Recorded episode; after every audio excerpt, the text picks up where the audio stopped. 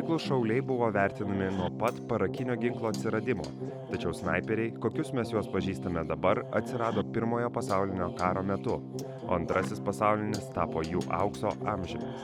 Ir po šių konfliktų snaiperių vaidmuo nesumenko, atvirkščiai, daugėjant lokalinių, mažo intensyvumo konfliktų ir prasidėjus karui prieš terorizmą, vienu šuviu galinčių strateginės problemas spręsti karių paklausa tik išaugo. Karo Ukrainoje patirtis rodo, kad ir konvencinėme kare snaiperis vis dar užima labai svarbią vietą. Sveiki, mėly parakomanai, su jumis vėl aš Alminas Sinevičius ir jūs žiūrite Lock and Loaded patrulio bazę. Šiandien mūsų tema yra snaiperiai arba snaiperių darbas, rengimas ir jų specifika. E, šiandien neįprastai pas mus yra trys svečiai. E, tai pirmasis svečias yra pulkinis linantas Valerijus Šerelis, ilgametis, tikrai daugumai gerai žinomas ir dainų autorius, bardas, ir šiuo metu tarnaujantis Lietuvos kariuomenės mokymo doktrinų valdybos karybos instituto direktoriaus pareigose. Sekantis mūsų svečias yra viršyla Ernestas Kuskailis, e, knygų autorius, ilgametis e, snaiperių rengimo ekspertas. Ir trečiasis svečias, e, seržantas Tautydas Matuzevičius, dar socialiniuose tinkluose geriau žinomas kaip blogas snaiperis ir taip pat, na, ilgametis snaiperių būrio narys ir, ir dar aktyvioji tarnybai. Tai sveiki visi atvykę į patrulio bazę. Gulimų pozicijų neužiminėsim. Pradėsime e, tada iš karto apie mūsų temą. E, tai paprovokuosiu. Ar kiekvienas karys e, gali būti snaiperiu? Ir, na, kokiu būdu į, į snaiperių būrį yra atrenkami žmonės ir, ir, ir kokie yra kriterijai, savybės gal žmogaus. Tai aš nežinau, pradėkim gal nuo Ernestai, tautidai. Nu tai čia atrankos rengime net kelios būna, tais keliais etapais. Tai va apie tai, kaip batalionė atranka vykdavo, tai gali tautvidas detaliau papasakot, o į snaiperių kursą patekti irgi buvo atranka. Bet pagrindinės savybės, pagal kurias atrenkamas snaiperis, tai yra tokios fizinės ir, ir moralinės. Iš esmės, na, atrinkti idealiai, galbūt ne vieno atrankoje žmogaus neįmanoma, vėliau jau darbe daugelis savybės atsiskleidžia. Bet iš tokių fizinių pagrindinių, nu, tai turėtų snaiperis būti pakankamai gerai fiziškai pasiruošęs. Nes skirtingai negu galbūt Hollywoodo filmuose galima pamatyti, snaiperiai juda iš tikrųjų labai daug ir, ir pakankamai su dideliu svoriu. O iš tokių kitų gal fizinių savybių, na, nepageidautina galbūt, kad nešiotų akinukus. Kaip aš, va, aš jau reikėtų korekciją pasidaryti. Čia, čia gali būti tam tikrų problemų operacijų metu. O iš tų moralinių tokių vat, savybių, tai viena iš pagrindinių yra iš esmės e, noras tapti snaiperiu ir dirbti tą sudėtingą ir, ir pakankamai atsakingą darbą. Tai motivacija iš principo, ne? Nu, pagrindinė. Pavadinkim tai motivacija, bet e, sakyčiau, tai savanoriškumo principas tai yra noras. Noras ateiti, pasirinkti tą specialybę savanoriškai, ne, ne tai, kad paskirtų kažką tai. Tai, tai čia, čia tokie galbūt būtų pagrindiniai tokie mhm. Dalykai, galbūt tautvidas galėtų papildyti. Papildymui va batalionė. Pats prieš gerų dešimt metų pradėjau dirbti Agirdo bataliono snaiperį būrį. Atsimenu, atsimenu. Tais, tais laikais ten ėjo, nu, kas norėjo, tas ėjo, realiai, nu, norintys žmonės. Ten pradžia buvo, tai žinai. Tai buvo pradžia, nes nu, nebuvo nei, nei, nei tų kursų, nebuvo nieko. Na ir paskui įgojau pats, e, buvau sukūręs tokį atrankos modelį, ten kažką panašaus dabar ir kiti batalionai taiko, tai tiesiog patikrinam fizinį pasirengimą, nes, nu, ten e, būry laiko ruošti, nu, ta fizo yra kada, bet e, jau vis tiek jau mažiau. Toliau patikrinam, ar jis turi gerus bazinius pėsninkų įgūdžius. Ten e, elementariai orientavimasis, ekipuotė, ten visi, visi kiti dalykai. Na ir atrankoje yra tokie dalykai, kurių pėsininkai standartiškai pas save nesimoko. Tai ten mes jiems pravesdavo mokymus ir nu, įvertinam, ar sugeba greitai mokytis. Žodžiu, tai ne kosminė atranka, bet nu, pasižymas žmogus realiai turi darbinės geras savybės. Ir... Bet tai kuo skiriasi, pavyzdžiui, nuo žvalgų atrankos? Tai biški panašu yra, ne? Kažkiek. Pats nebuvau žvalgo atrankoje, negaliu pasakyti, bet turbūt panašu, ten, nu, vis tiek. Tik, kad daugiau gal su ginklu darbo yra. Taip, nes, taip, taip, nes nu, šaudimas irgi svarbus įgūdis, nes atrankoje irgi būdavo šaudimas. Su automatiniu šautuvu šeštą pratimą į popierių labai gerai viską parodo, ką karys sugeba įvairiuose šaudimo padėtyse šaudyti. Žodžiu, na ir. Kaip dabar daro, negaliu pasakyti, pats jau trys metai nebe suburys, bet kažkas panašaus turėtų. Turbūt, Bet tu kai sudarinėjai, tai atsimenu, aš atsimenu tos laikus, bet e, tu vis tiek rėmėsi, man atrodo, kažkokia amerikiečių literatūra. Ne, ten tiesiog patys e, brainstorminom. Nes, nu, vėlgi tą atranką galim padaryti kosminę, bet ar mes galėsim tam kariui nu, pasiūlyti nu, super tokias e, ten, veiksmo pilnas tarnybos sąlygas. Nu, Plius, reikia kad būti tai- realistais. Tai ir Supermenų netrinkinėjai. Taip, Ne- super ne- ne- atrinkinėjom. Tai yra sausumos pajėgų snaiperių buvo atranka, o ne, o ne Mums sopo. mum reikia gero pėstininko, kuris sugebėtų greitai mokytis, mokytų savarankiškai, mokytų veikti, nebijotų vienas miške vaikščioti. kitiem pėstininkam naujiena būdavo ten naktinis orientacinis vienam. Tamsta burginė. Ar kiekvienas karys gali būti snaiperiu? Nemanau. Ne, pataisysiu. Pacituosiu Ernestą.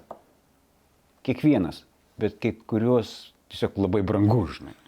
Tiesiog, labai labai labai brangu, labai ilgai daug resursų. Parengimas. Jo, nes, sakykime, e, yra įgūdžiai, nu, prigimtiniai ir yra įgūdžiai lavinami. Tai jeigu žmogus turi tam tikras prigimtinės savybės, vis tiek mes, kaip kalbėtumėm, taip sakykime, kosmiškai, yra trys karo erdvės - mentalinė, moralinė, fizinė. Tai vat, ir tos savybės, snaiperių pavadinkime, jos irgi yra mentalinės, moralinės, fizinės. Ir jeigu žmogus sugeba greitai mokytis, jeigu pats yra pakankamai nu, atkaklus iš charakterio ir jeigu fiziniai gebėjimai yra, taip jis yra nu, puikus kandidatas. Bet jeigu kažkur šlubuoja, tai jam reikia dirbtinai išmokti tai, ką kitas turėjo natūraliai. Žinai. Mhm. Jisai galbūt puikus kulkosvadininkas, nu, minosvadininkas, nes visos specialybės yra svarbios ir kalbant jau apie snaiperius, prasme, jie nėra patys vieni. Kiti irgi turėtų dirbti kartu, žinai, tas sinergetinis efektas. Mes dar prie to perėsim. Bet labai va gerai pa palėtėt, kad e, gali būti kiekvienas, bet kiekvien, kiekvienas turi reikalauja skirtingų resursų jam, ne? Tai va, koks yra to snaiperio parengimo ciklas? Vat, Ernestai, jūs dirbote e, Juozo Lūkšos mokymo centre, ne, su snaiperių kursu ilgus metus iš tikrųjų. Ir ten jūs rengėte tos e, snaiperius, dirbote su įvairiais žmonėm, kurie ateidavo iš sausumos pajėgų, e, batalionų įvairių snaiperių būrių. Tai koks yra tas ciklas parengimo? Arba koks fokusas, kiek užtrunka parengti kvalifikuotą, na, tokį mokantį atlikti savo užduotis e, snaiperį? Prieš, prieš pradėdamas atsakyti šitą klausimą dar galėčiau papildyti ankstesnį šiek tiek. At, e, per, per tuos metus rengimo esu susidūręs ir su tokiu atveju, kai karys turi be galo stiprų norą, bet tiesiog neįmanoma jį išmokyti.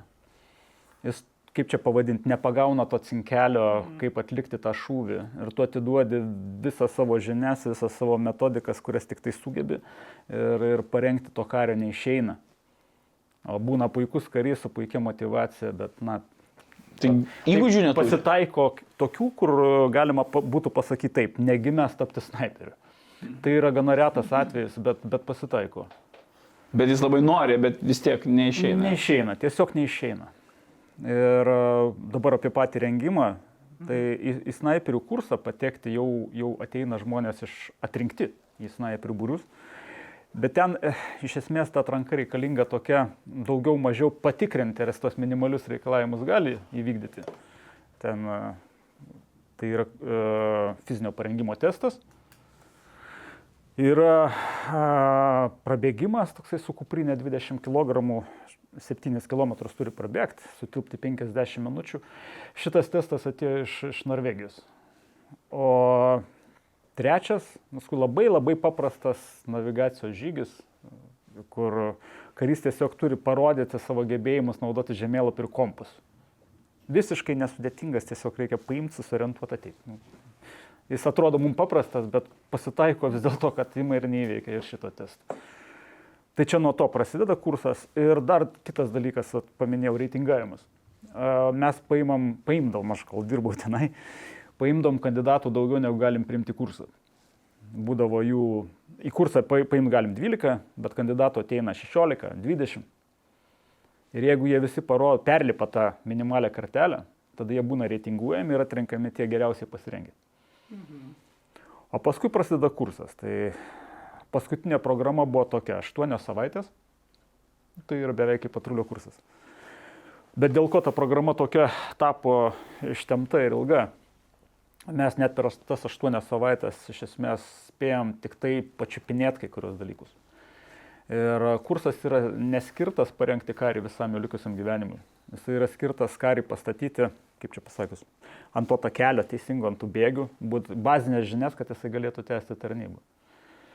Nes faktiškai per kursą parengti visom situacijom, karui realiai ar kam ten be pasakytumėm, yra neįmanoma.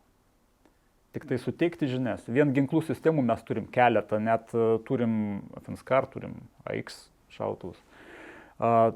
Keletas taikymos įrenginių skirtingų, naktinio matymo prietaisų spektras praktiškai pas mus visas yra. Su jais visais dienos nakties metu reikia bent pabandyti pasitreniruoti ir, ir, ir atlikti uždavinį. Tai va, tautvidas pats tuose kursuose buvo ir dalyvavęs rengime, gana daug. Ir gal net papildys kažkuo, tai šiaip labai daug prisidės yra prie, prie visų šitų programų rengimo ir tobulinimo.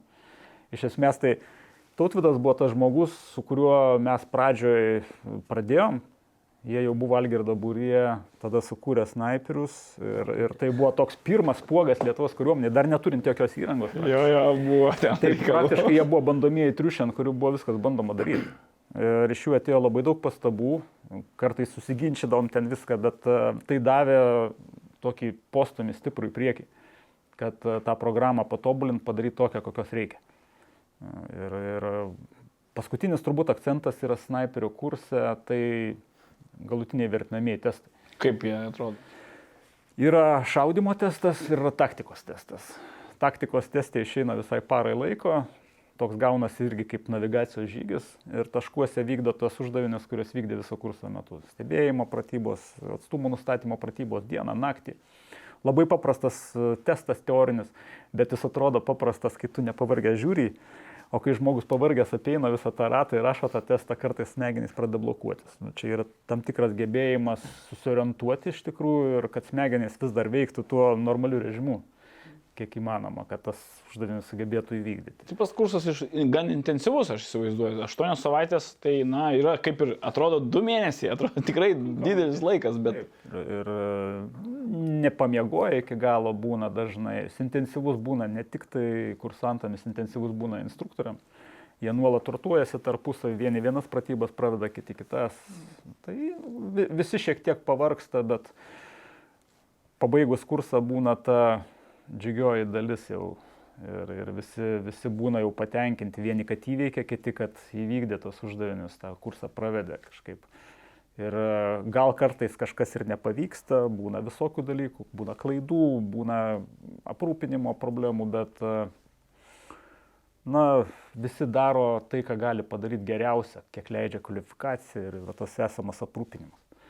Aš sakau, tautvidas irgi su tuo labai daug susidūręs ir iš esmės galėtų ko gero papildyti. Prašau. Nu, tai aš plačiau apie tai, kaip batalionė mes dirbdavom su tuo, tuo kariu.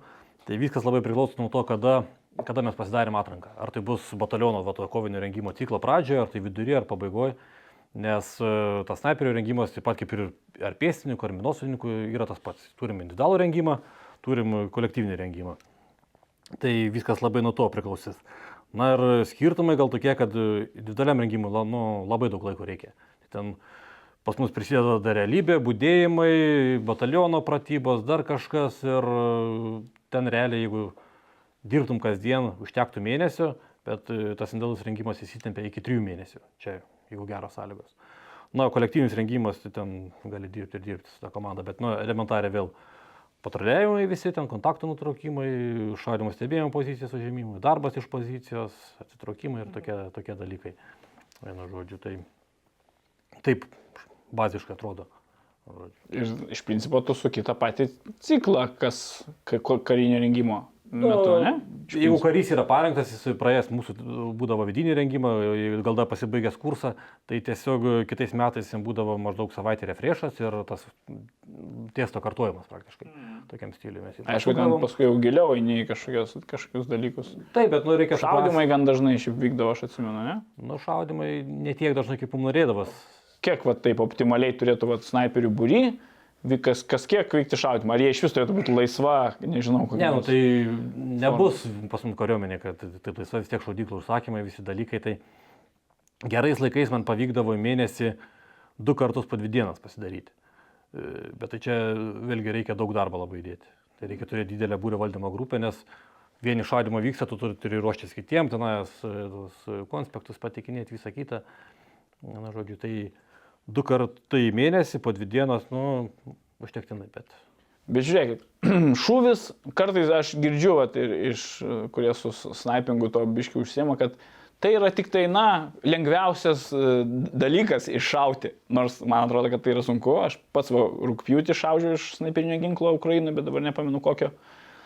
E, Ir šūvis yra tikrai nėra lengvas. Nu, išmokti, paskaičiuoti ir panašiai.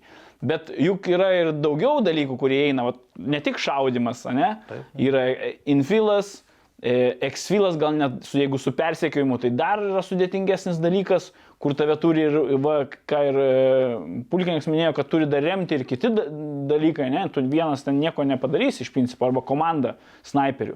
Kokius dar dalykus uh, ir uh, galima akcentuoti? Uh, būtent ne tik šaudimą. Ir ar šaudimas yra es- esmė, jeigu tu gerai šaudai, tu gali būti geras snaiperis. pratesiu. Jeigu bendrai paėmus, nu, tas šūvis turbūt sudarys gal vieną procentą to, ką snaiperiai daro, bet tas vienas procentas gali būti svarbiausias užduotį. Tai tu gali tenais praeiti sudėtingiausią vietovę, ten išvengti priešų visokių patrulių, visą kitą atidirbti iš pozicijos, bet reikės iššauti, neiššauti, tai tas yra svarbu. O visi kiti dalykai tai yra nu, bendrėjai pėstininkų dalykai. Tai patruliavimas, na ir ten lendant į snaiperių, ten nu, tą filkraftą, tai grinai maskuoti, darbas pozicijoje. Su tais giliais visais, ne, su karstimu. Nu, giliais ar pag... su natūralios aplinkos priemonėm. Tai, Tai, bet irgi to mokoma iš principo, nes, nes tai yra... Dalis. pratybos, sėlinimo pratybos, tą šlifuojam, šlifuojam ir tą. Nu, toks pranykstantis įgūdis, e, tą maskuotę, tai reikia pastojo dirbti ant to, kaip ir su šalimu.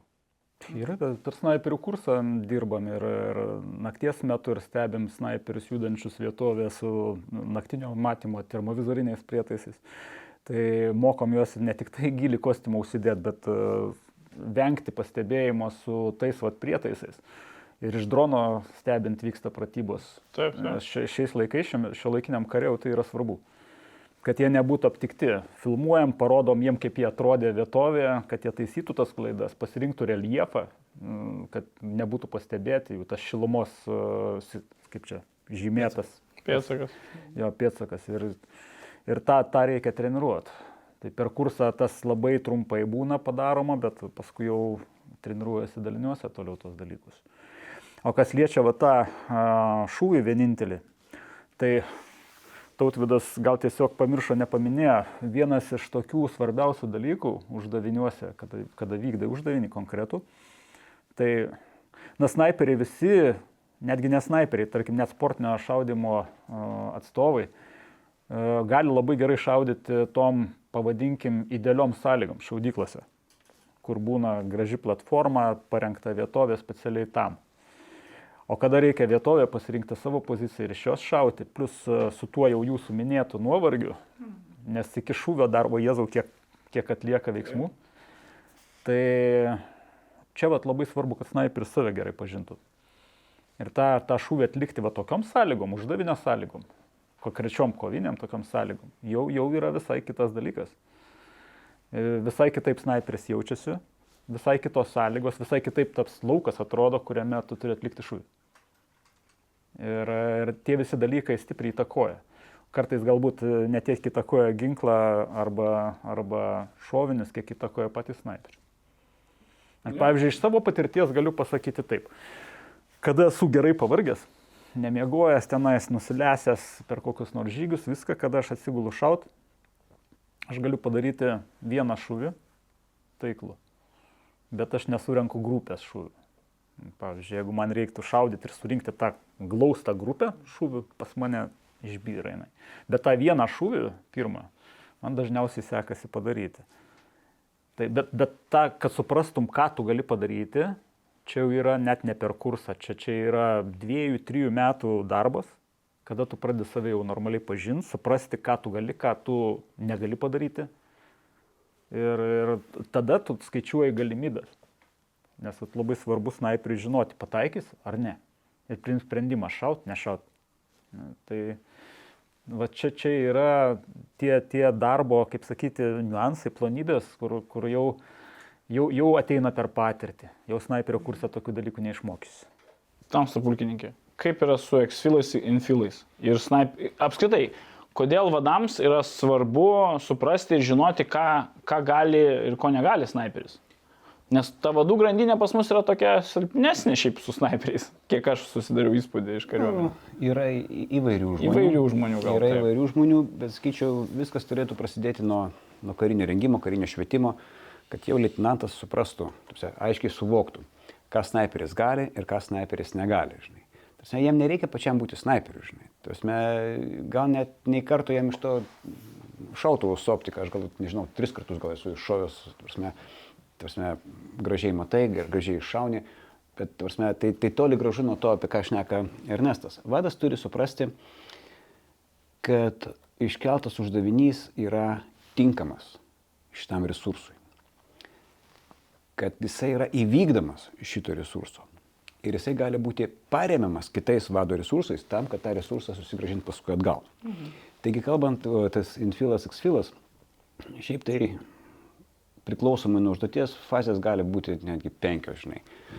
Insertion, infiltration, action on objective, exfiltration ir extraction. Tai va, sakykime, pirma ir penkta visada, visada vyksta su tam tikra parama. Žinai. Ar tai tave pavežė, ar tave paplūkdė, ar tave paskraidino. Ir sakykime, jau tas infilas prasideda paskui jau toksai savarankiškas iki tos vietos, kur atliekama užduotis, bet ir tuo metu gali būti, sakykime, pakabintas dronas, pasižiūrėti, ar saugi vietovė, žinai. Kitas momentas, kaip sakant, kai Ernestas jau pažymėjo, ana pusė irgi statys, statys stebėjimo kameras, bet jeigu jau jie stato stebėjimo kameras, vadinasi, pajėgumas ten yra biški rimtesnis. Žinai. Ar jie naudos termovizorius, ar jie naudos lazerius prieš optikas, ar jie naudos dar kažką. Tai ir, ir čia vat, yra tai vadinami planning considerations, kur jau ne sniperis, bet jau aukštesnis vadas turėtų suprasti. Ir aš netgi sakyčiau, e, teko vat su Ernestu būti Afganistane kartu, tai sąjungininkai sako, mes jūs pasikviesim į, tą vadinamą, Orders Development Brief. Mes, reiškia, gaminam įsakymą, leisim jį tau, o tu mums pasakysi, žinai, ar tai atitinka tavo pajėgumą, žinai, ar tai atitinka tavo parengimą, ar tai, ar tu turi pakankamai resursų ir kokiu resursu tau reikia iš manęs, iš aukštesnio vado, tam, kad tu tai padarytum, galėtum grįžti, atsigauti ir tęsti darbą. Iš principo kažkoks žmogus turi būti štabe, e, kur vyksta MDMP procesas, Taip, e, bataliono ar ten aukštesnio ir, ir tą padengti tą failą. Aš, pavyzdžiui, pasikvieščiau tą komandą, kuri vykdo užduotį ir paklausčiau, kokio įsakymo iš manęs norėtum, žinai. Tiesiog kokio, žinai. Tiesiog kas atitinka tavo pajėgumą.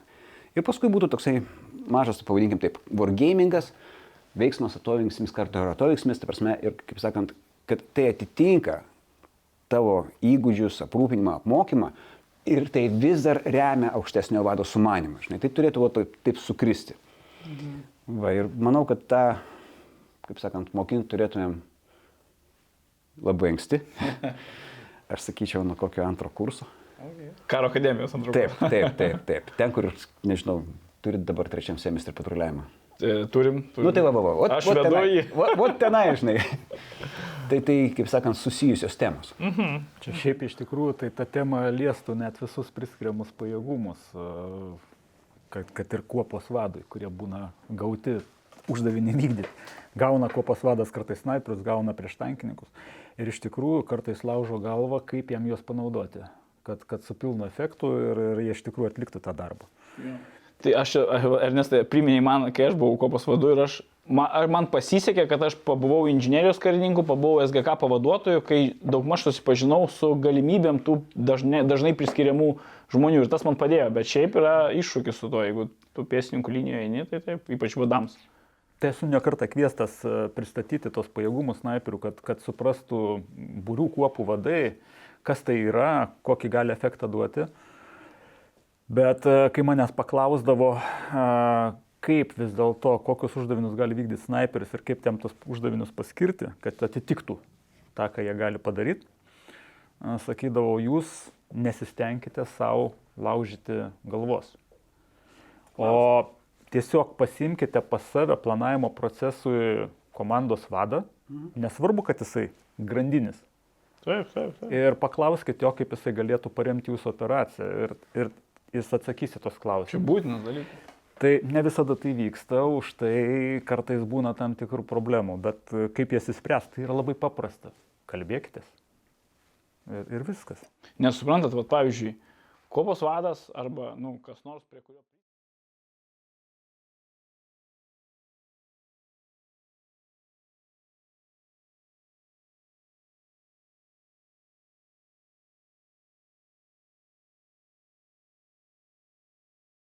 Ir sniperis. Nu, tautvydai, noriu pasireikšti. Nu tai Tautvidai. e, pagal doktriną tai taiklus iššaulys turėtų būti pėstininkų skyrius karys, kuris sugeba pataikyti. Tai dabar taip ir Jis yra. turi nu, specializuotą ginklą, tai pas mus Finskarą turi, ten Kaspijam 14, ten patobulinta.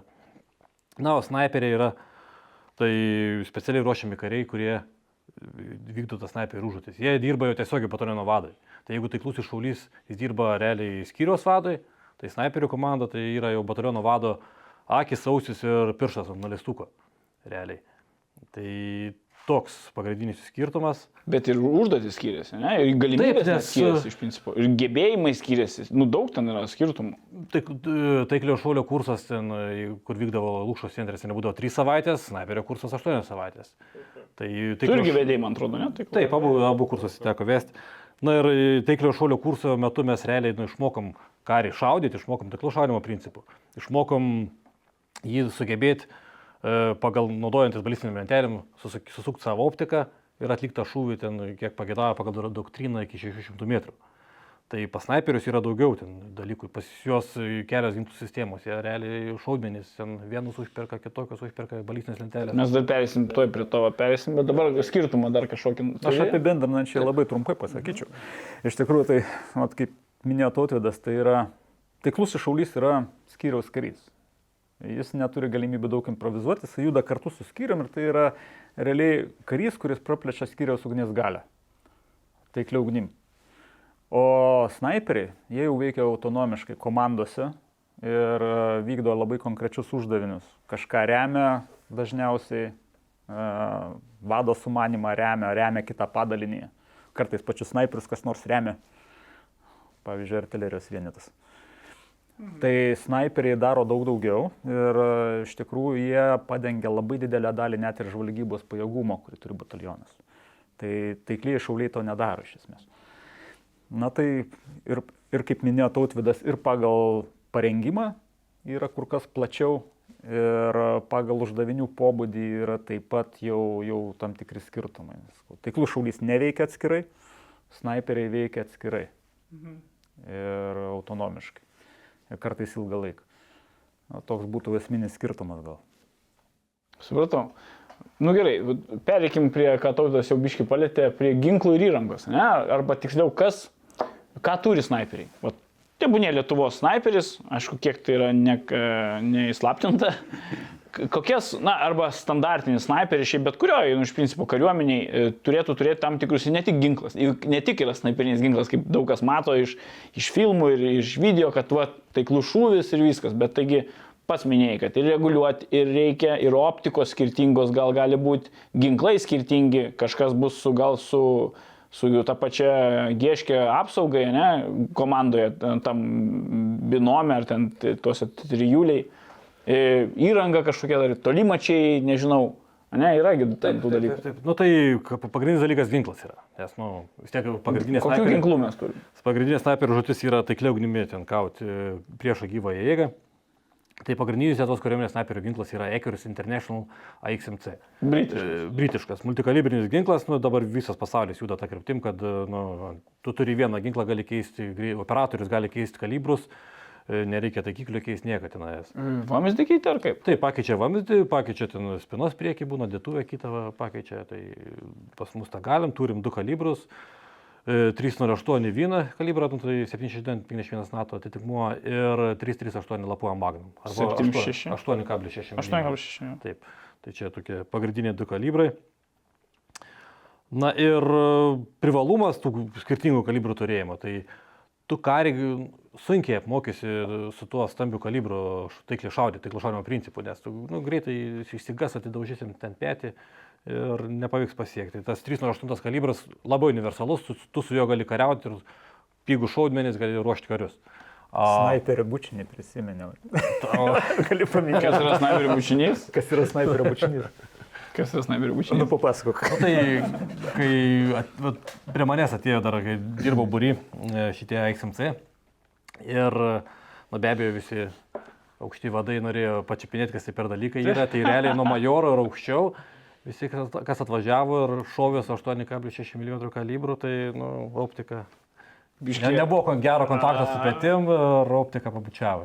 Teko. Pa, pažymė antakį. Na, tai. Kartais tai pažymė, kad laša lašai. Bet jūs, man atrodo, specialiai nesakydavot, kad įremtų Ne, tai, normaliai. tai sakydavom, būdavo, vat, aš medžioju, tai čia man ne, ne, ne. tai, va, tai tokia. Taip yra kartais. Nes nuo 8,6 mm stiprus kalibras, tai magnuminis yra. Nu, aišku, ne 50, ne 50 kalas, ne 12,7. bet, nu, Ta, tarp to ir tarp to. atatranka ten, nu, taip, nu, gerai. Einam toliau. E, pagrindinis ginklas toksai, be abejo, nu, karys nepatruliuos su tokiu ginklu. Jis turi turėti e, automatinį šautuvą, nu, tai standartinis. Dažniausiai už nugaros turi. Taip, ne, tai tą čia vėlgi kitas dalykas, kuprinės e, reikalingos, tai labai džiaugiuosi, kad per penkis metus, kol dirbau būry, pavyko į pabaigą pramušti, išpirkau tas kuprinės. Tai Nes aš kuprinė kažkokia specifinė, jinai. Taip, yra? e, tai viena patogiausių tai yra Berlestok kompanijos e, G4 Operator modelis, kur palinugą, nu, kuprinė su rėmu, palinugą įsistato ginklas ir toliau telpa visi kiti, kitas, kitas snaiperio turtas. Bet tai snaiperis be, be, be, be vamzdžio vaina, ne? Snaiperis su, su, su, su, su, su, ten, nu, nu, gali neužlenktą božę, gali su užlenktą božę įkišti. Nu, ten tiesiog yra. konstrukcija tokia yra, Taip, kad yra ginklo dėklas ir jisai kartu susiūtas su, su kuprinė. 40 litrų talpos, man atrodo. Ne? Kažkas. ten. Ir, ir ta visa kombinacija eina pas snaiperį ant nugaros. Mhm.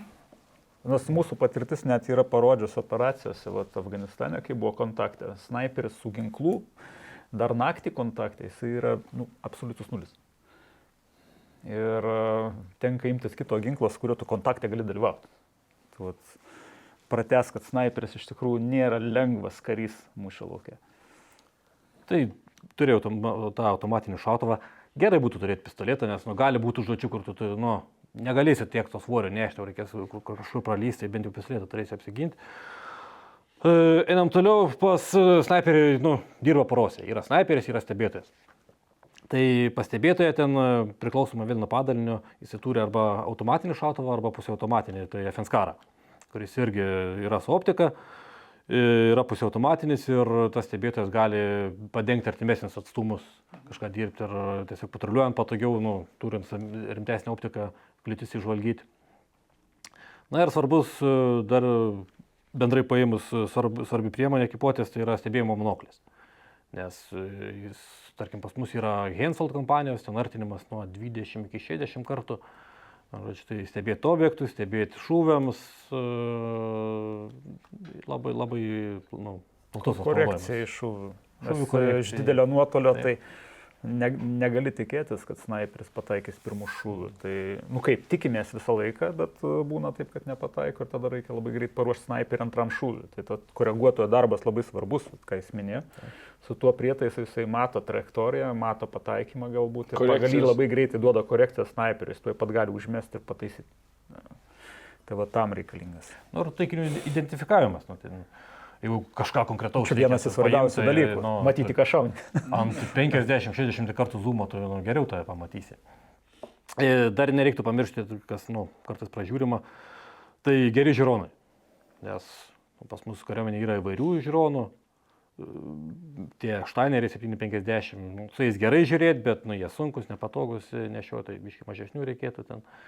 Bet geri žiūronai tai pagrindinis praktiškai stebėjimo įrankis, nes įsirengus šaudymo stebėjimo poziciją, nu, negalėsite ten už ginklo visą laiką. su optika, žinai. Tiesiog yra žiūronai ir nu, rotuojasi, kaip ir standartiniam stebėjimo postė.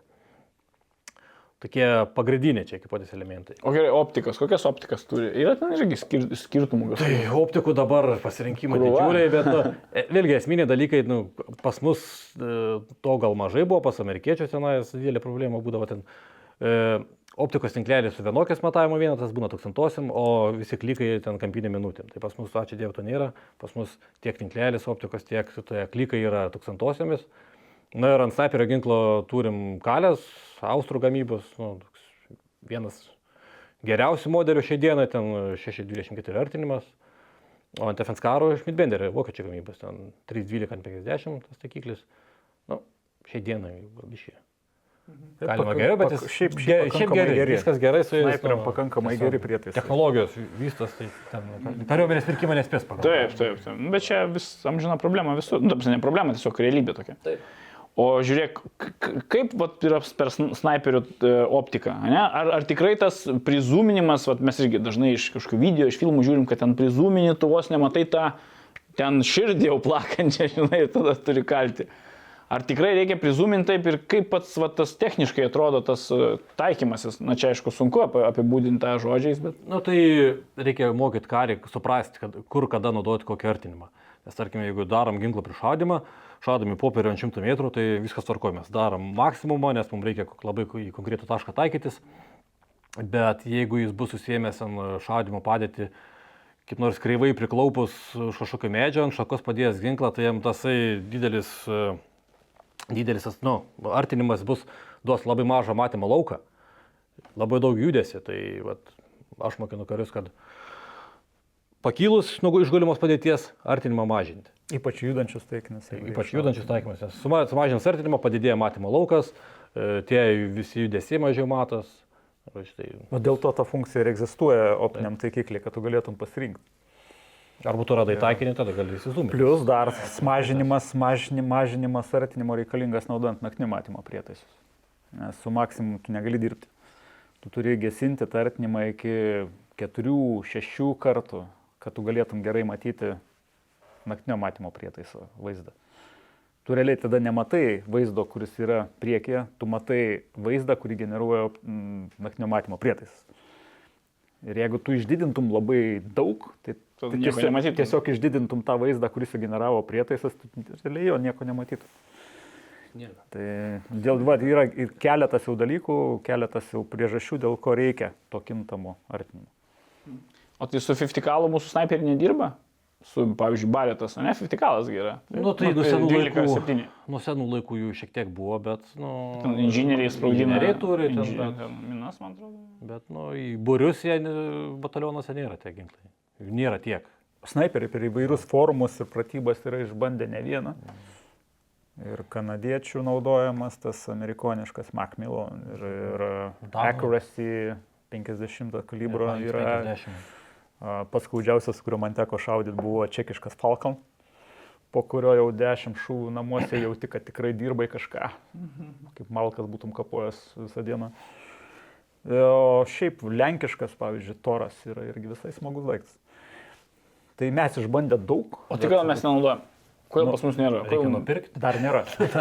Ai, bet, ta prasme, bet tai yra iš principo perspektyvoje galbūt tai- atsiras irgi ginkluotėje 50 kalas, kurį galės snaiperiai naudoti. Tiek, kiek mes esame išbandę, mums jau leistų realiai pasirinkti, kokio ginklo norėtume. Tai ko- kurį, kurį rinktumėt? Ai, iš esmės iš tų, kuriuos bandžiau dabar ties, tai imčiau Accuracy International 50 cal. Tai irgi tų pačių britų, kurį mes turime International. 8,7. Ta pati platforma iš principo. Ta pati nu, platforma, realiai. 50 ten.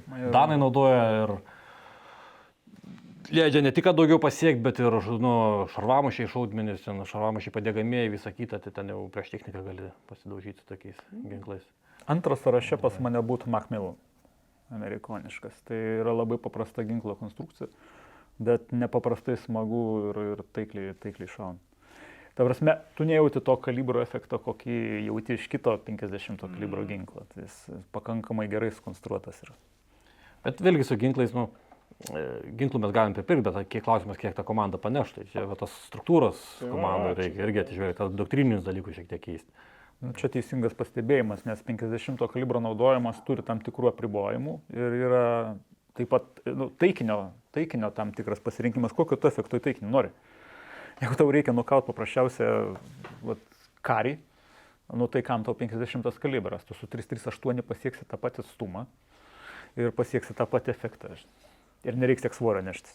Tai yra iš principo privalumai ir trūkumai tų visų kalibrų, ne? Be abejo, tu, kai, kai tu turi pasirinkimą ginklinėje, tai yra tik privalumas, bet tada reikia protingai pasirinkti ir pagal uždavinį, ką tu tikrai naudosi. Nu gerai, pavyzdį pateikit. Ko, ko, kokiam užduočiai, kokiai reikėtų, tarkim, didesnio kalibro, o kokiai ne? Nu, pavyzdžiui, 50 kalibro šautuvas e, turi pakankamą kaunamą galę pramušti lengvą šarvą. Kokį BMP škiai jau. Jeigu reiktų pasitikti BT. kažkur BT. tai, jo, pasalą lengvam šarvui daryti, galbūt logistikos kolonai, kuri veža kūrą ir dar kažką. Tokius taikinius galėtų su 50 imti. Ukrainoje sėkmingai stambius kalibrus naudoja. Bet čia jau, jau kalbėt galbūt apie Ukrainos patirtis, ten, ten specifika yra biški kitokia, jie nemanevre dirba. Mes dar aptarsim, galbūt irgi į pabaigą. Jiems leidžia tą daryti gana tolimus šūvius netgi.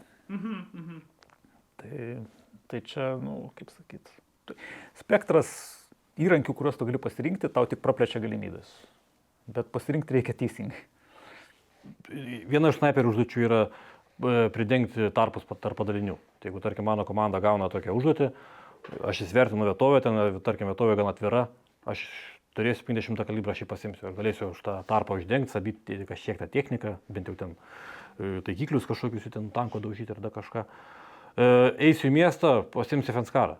Nes to artinimo man užteks, e, at- atstumo užteks to kalibro pasiekimo ir galėsiu greitai tos paskesnius šūvius atlikti su tokiu ginklu. Tai Nu, kalbant apie 50 kalibro efektą, kaip tai atrodo vat, realiai, kada naudoji šarvamušį padegamą į šovinį, teko matyti. Tai 400 metrų, BTR 60, jeigu šaunama yra į bortą, kulka per vieną pusę eina, per kitą pusę išeina, pažiūrėdamas piečių kibrikščių, kurios padegimo dar efektą duoda. Tai va taip atrodo šūvis su 50 kalibro ginklu. Su, su kitu galbūt kalibru to nepadarytum. Viskas prasideda nuo, nuo uždavinio, žinai. Tarsi, ką norime pasiekti, žinai. Tarsi, koks tikimas Galutinis tikslas. Jo, koks tikslas, žinai, tarsi, ką mes norim padaryti. Tada žiūrim, tarsi, o kokie taikiniai, jau reikalinga žvalgyba, žinai. Tarsi, ir kokia vietovė, žinai. Tarsi, jeigu tu sėdė atviroje vietovėje ir tu gali dirbti į pusantro kilometro, nu, čia aš taip iš lempos kalbu, žinai. Tai galbūt tada renkiesi. Ir, pavyzdžiui, tas, sakykime, tarpas tarp padalinių, arba tas screeningas vadinamas, kai tu realiai, nu, kaip ir tiesiog išgazdini, gal slopini, žinai, tą counter-reconnaissance battle žv- žvalgus, kaip sakant, nenaikini, galbūt daugiau a- atbaidai. Va, ir sakykime, tas vat, vietovė, uždavinys, taikinys, ta prasme, viskas sueina į tą patį, kur tu ir, ir, ir, ir vietą pasirenki, nes, pavyzdžiui, vėlgi, miestas atstumu, jisai turi labai daug apribojimų. žinai. Atviras laukas, kaip sakant, rizika, kad tave menosvaidžio minomis paskui užmėtys, kai tu pakilsi traukti, žinai. Tada, ir tada galbūt kažkas turės kontratakuoti, tiksliai klaidinančiai kontratakuoti persikėjantį priešą, priversti jį skleistis, tam, kad savus galėtum atitraukti. Nu, čia jau, kaip sakant, visa manevro schema, žinai.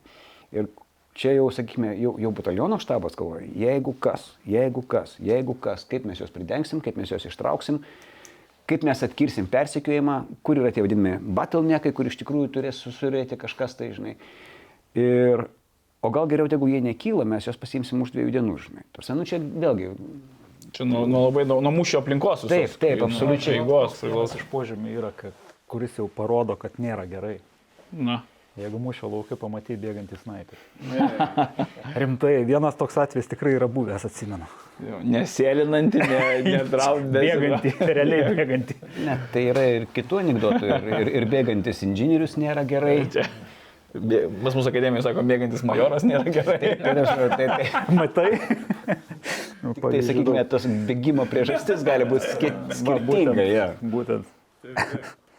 Nusipratau. Bet jeigu, bet jeigu matai bėgantį inžinierių, tai pasistengk neatsilikti. Bet nes inžinieriai nebėga, jie lietai atsitraukia ir tada sprogdina arba ten ką nors daro. Jo, jo. O, o jeigu jau bėga, vadinasi, toj. Bet gerai, grįžkime prie snaiperių. Tai, o snaiperiai naudoja mūsų e, Lietuvos kariuomenės išduodamą ekipuotę, ar jie specifinę kažkokią gauna? Ar gauna, ar perkasi gal kažką savo? Tai žinoma naudoja, tai ką turi, ar naudoja. Ir jeigu kariui, kaip ir sku- bet kuriam pėstininkui kažkas labai nepatinka, nu, nepavyksta oficialiais kanalais, ten, kad užpirktų, karys priema sprendimą, investuoja pats. aš taip manau, kad tai, na, nu, aišku, iš vienos pusės daug kas sako, tai va, čia kariuomenė nenuperka ten to ar to. Ir, pavyzdžiui, pas snaiperius yra specifikos labai daug, iš tikrųjų. Nu, bet jeigu tu ten, nu, tikrai to gyveni, nu, tai ten, žinai, mm, negaila gal ten kelių eurų nusipirkti kokią lietuvę ar kažką. Snaiperio kuprinė netoli 500 eurų. Nu gerai, tai snaiperio kuprinė gal ne tas dalykas, kuris. Bet viskas, žinau, Nu, kaina tarkim- turi savo ir gana nemažą. Jeigu tu nori nusipirkti kokybišką ekipuotę, bet kuris netgi krepšelis lietuvėms susidėt kainuoja nepigiai. Nu taip, taip. taip. Nu, ir pagrindė, nu, 100 procentų visiems snaiperiams reikia to maskuojančio kostiumo pagrindu. Mhm. Tai vieniems būriams tenais e, štabai pramuša, užperka tos dalykus, kituose ne, ten bando iš kitelių daryti, dar kažkas tenais, ar patys pirkti. Tai yra tokie dalykai, kurie nu, tikrai šimtų procentų bus reikalingi ir, nu, Bet, pavyzdžiui, centralizuotai gilių neperka Lietuvos Nu, kariuomenė. neteko girdėti, Centralizuotai nes ne. vis tiek yra tos aprangos normos visiems vienodos daugmaž, nu ir ką, su Almenai gauni karo akademijoje, tai gauna snaiperis. Bet net neužtenka nusipirkti. Nusiperka žmonės tą kostiumą jau ir paskui dar tą kostiumą perdaro, pritaiko ir taip, žodžiu. Nu taip, taip. Na, aš girdėjau, kad dabar jau bando ten keisti, kad biški specifikas atitiktų. Bet čia dar aišku, visą laiką tas, na, uh, užtrunka laiko. E, Žiūrėkit, bet snaiperiui tenka vat, ilgai būti vienoje vietoje. Dažnai, vat, ir, ir sakėte, kad gulė, jis negali kilti, gal nes minosvežiai už, užlis arba, arba dar kas nors. Tai um, ir snaiperis tada vis tiek jis turi, na, kažkaip pasilengvinti savo komfortą. tenais. Ar Kilimėlius, pavyzdžiui, naudojat kilimėlius? Be abejo. Ar ten, nežinau, nu, nešaldotgi savo šlapimo puslių? Tai labai daug nuo sezono priklauso, bet... e, Pastogės, nežinau, kažkokios, ar, tenais neperšlampimi drabužiai, ten, nu, kažkokių tokių yra. Labai daug padiktuoja sąlygos ir ką tu randi tuo metu. E, Kartais taip nuskyla gerai, kad e, randa net patalpas, iš kurių gali efektyviai stebėti ir dirbti. Kartais būna labai blogai vietovė artima atvirai, tu tik tais pasirenki reljefą, kuris tinkamas būtų atsitraukimui iš pozicijos ir realiai krūmuose, kurie jau numetę lapus, pragulėti reikia 12 valandų. Pavyzdžiui, kai keičiasi klimatas, kas 10 minučių reikia optikas nusivalyti ir e, tokios sąlygos būna labai jau atšiaurios ir labai sudėtingus. Tai iš mano praktikos bent jau, tai pirmas dalykas yra pranga, apsirengti tinkamai, antras dalykas yra nu, minimaliai mankštintis. O tas mankštinimasis yra labai primityvus, tiesiog įtempėt leidį raumenis. Gulint. Tiesiog gulint galima tą daryti ir, ir nesikeliant niekur. Nu, Nesikelsi iš pozicijos, neprasibėgsi kaip prieš šalą. Tokią, tokią mankštą aš galiu ir lovai daryti. Galima, taip, iš tikrųjų. Pasirinkimas darbui. Iš tikrųjų galima. Supratau. O tai gerai, bet tai dabar yra kažkokie specifiniai kilimėliai, specifinės, nu, kažkokių tokių prie įrangos yra ten papildomai kažkokių dalykų, kurie padėtų išgyventi arba išlaukti. Padėtų karinti šilti rūbai, išgyventi, išlaukti. Bet, nu, realiai tai, ką mes šiandien, šiandien, šiandien ką mes gaunam, tai tiek neperšlampami rūbai, nu, nemačiau, kad kažkas iš sąjungininkų kažką, kažką geresnio turėtų. Realiai. Iš tikrųjų dabar jau ką turim, tai jau turim neblogai Mėgmušiai visai. irgi pas mus gerai, nes tu nu, būni pozicijoje, jeigu tu tenais Tai esi tu gerai. kalbė apie tos pačius, kur visi. Taip, taip, taip, turi. taip, taip. Esi pozicija, nu tu gerai bus ten minus 10. Tau, nu, tarkim, ten e, dieną reikia atstebėti, nu tu užsi- užsiklok tą vasarinį, kad ir mėmušiais. Daug vietos nevažiuoju, bet bus šilčiau. Vienu žodžiu. Na ir patys kariai, nu tai vienas pratybas pašalą, kitas pratybas žiūrėk, jis Jau jau jis. striukytę nusipirkęs, šiltesnę kažkokią pasirengę, ar tai ten dar kažką. Tai. Nu, Tas pats kilimėlis, jisai turi dvi savybės turėti. Nu, Pavyzdžiui, dabar jau įšalas yra lengvas, ane, atvirose vietose. Tai pirmas dalykas, jisai turėtų minimaliai izolaciją šilumos tau suteikti kažkokią komfortą ir būtų gerai, kad neperšlaptų.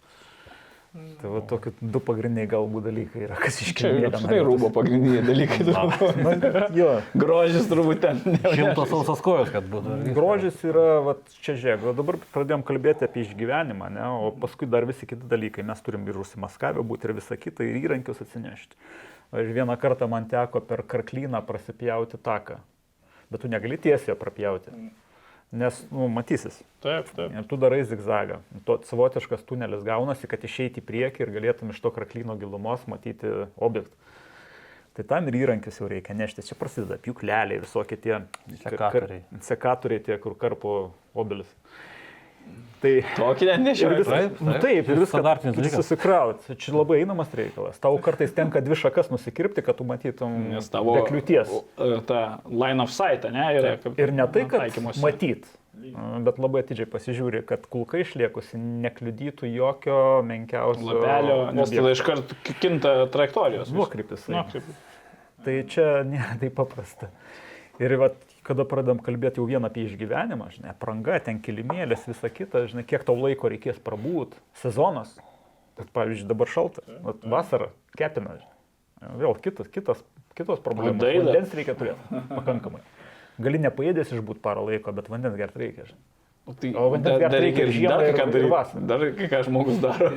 Ir dar kai ką. tai, o, o, su tuo dar kai kuo, tai realiai, kada mes išbūnam trumpalaikiai pozicijoje, tą kai ką tu gali iškentėti, rimtesnį kai ką, o tą mažą kai ką, Tiesiog taip savim. nu, re- realiai tu nesikėlęs nuo žemės tą pastarai. Tai ten dubūtė nutekėjimą kažkokį. Ir, ir viskas. Nu. Nu, tai, jo. nu- O tai didelį, tai ką, nu, jeigu jau prispyrė. Didelį prilaikyti galima. bet Trombuoti, geriausia yra- trombuoti ir kristalizuoti yra irgi įtraukta yra į, į, į ūsus. Ne, tikrųjų, yra, yra, yra dar, čia irgi yra savęs pažinimas. Nu taip, taip. E, Ką pavalgyti, pavyzdžiui, prieš tai, kad dalykas, ten neprisivalgyk slyvų eidamas į poziciją. neprisikarpykti. Pratį bairį. Nu, kad neužkluptų tavęs Taip, taip, netikėtai. taip. O kitas dalykas, pavyzdžiui, aš, aš žinau, kada mane užklumpa šitas reikalas, kokiu laiku tai būna paros. Ne, nežinau, ar pas visus taip reguliariai. Nu, Jeigu Bet, ne, valgai normaliai. Kada tu daug nepriedės, realiai tu išbūnė stebėjimo postė kartais nueini didelio antros dienos pabaigoje. Tau nereikia. Ir kada tu mažai judi, tau kalorijų mažiau reikia, tu mažiau ir valgai. Nu, tai dar pasirinkti galima maistą, žinai. Nes nebūtina prisiryti, o palaikyti tik tais truputėlį kalorijos. Tai to didelio ne visada reikia dažnai skaičiuoji, matuoji, pasiruoši. Nu, nors truputį nori, tai, tai padaryk tai prieš išeidamas į poziciją, nes ten jau nebegalėsi. E, Pri, pri, pri, pri, priminėjai, tuose, kiekvienas kareivis prieš išeidamas, čia nebūtinai sniperis, prieš išeidamas padaro tris dalykus. Jos ir žino, kad reikės išeiti dirbti darbą. Pirmas dalykas - pavalgo, kada gali. Pamiega, kada gali. Ir, ir tas, apie ką mes kalbėjom, rimto reikalo, žinai. Net jeigu nenori, žinai. Vis tiek ten Avansu, žinai. Kad, kad, kad, kad, kad, kad tu išeini iš išsunkia viską. kad, kad tas jau kristalas išeina, žinai, kad nereikėtų, kaip sakoma. Gerai, grįžkime. Tai žiūrėkite, dabar aš gir- girdžiu, kad dažnai veikia porose, ne? bet, bet yra, gali veikti ir, ir po tris, ar negali. Ir kaip iš vis, kaip veikia snaiperiai, pagrindė, ko- ko- kokios, e, kokiom grupėm, kokio dydžio ir kokios pareigos viduje yra to, tos grupės arba tos trijulės galbūt.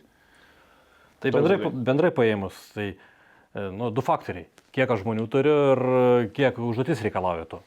Tai jeigu, tarkim, mes gynamės, apkasai iškasti, tai realiai pora, pora drąsiai gali dėti ir tų apkasų ir dar kažkas, nes nereikia galvoti apie užnugarį.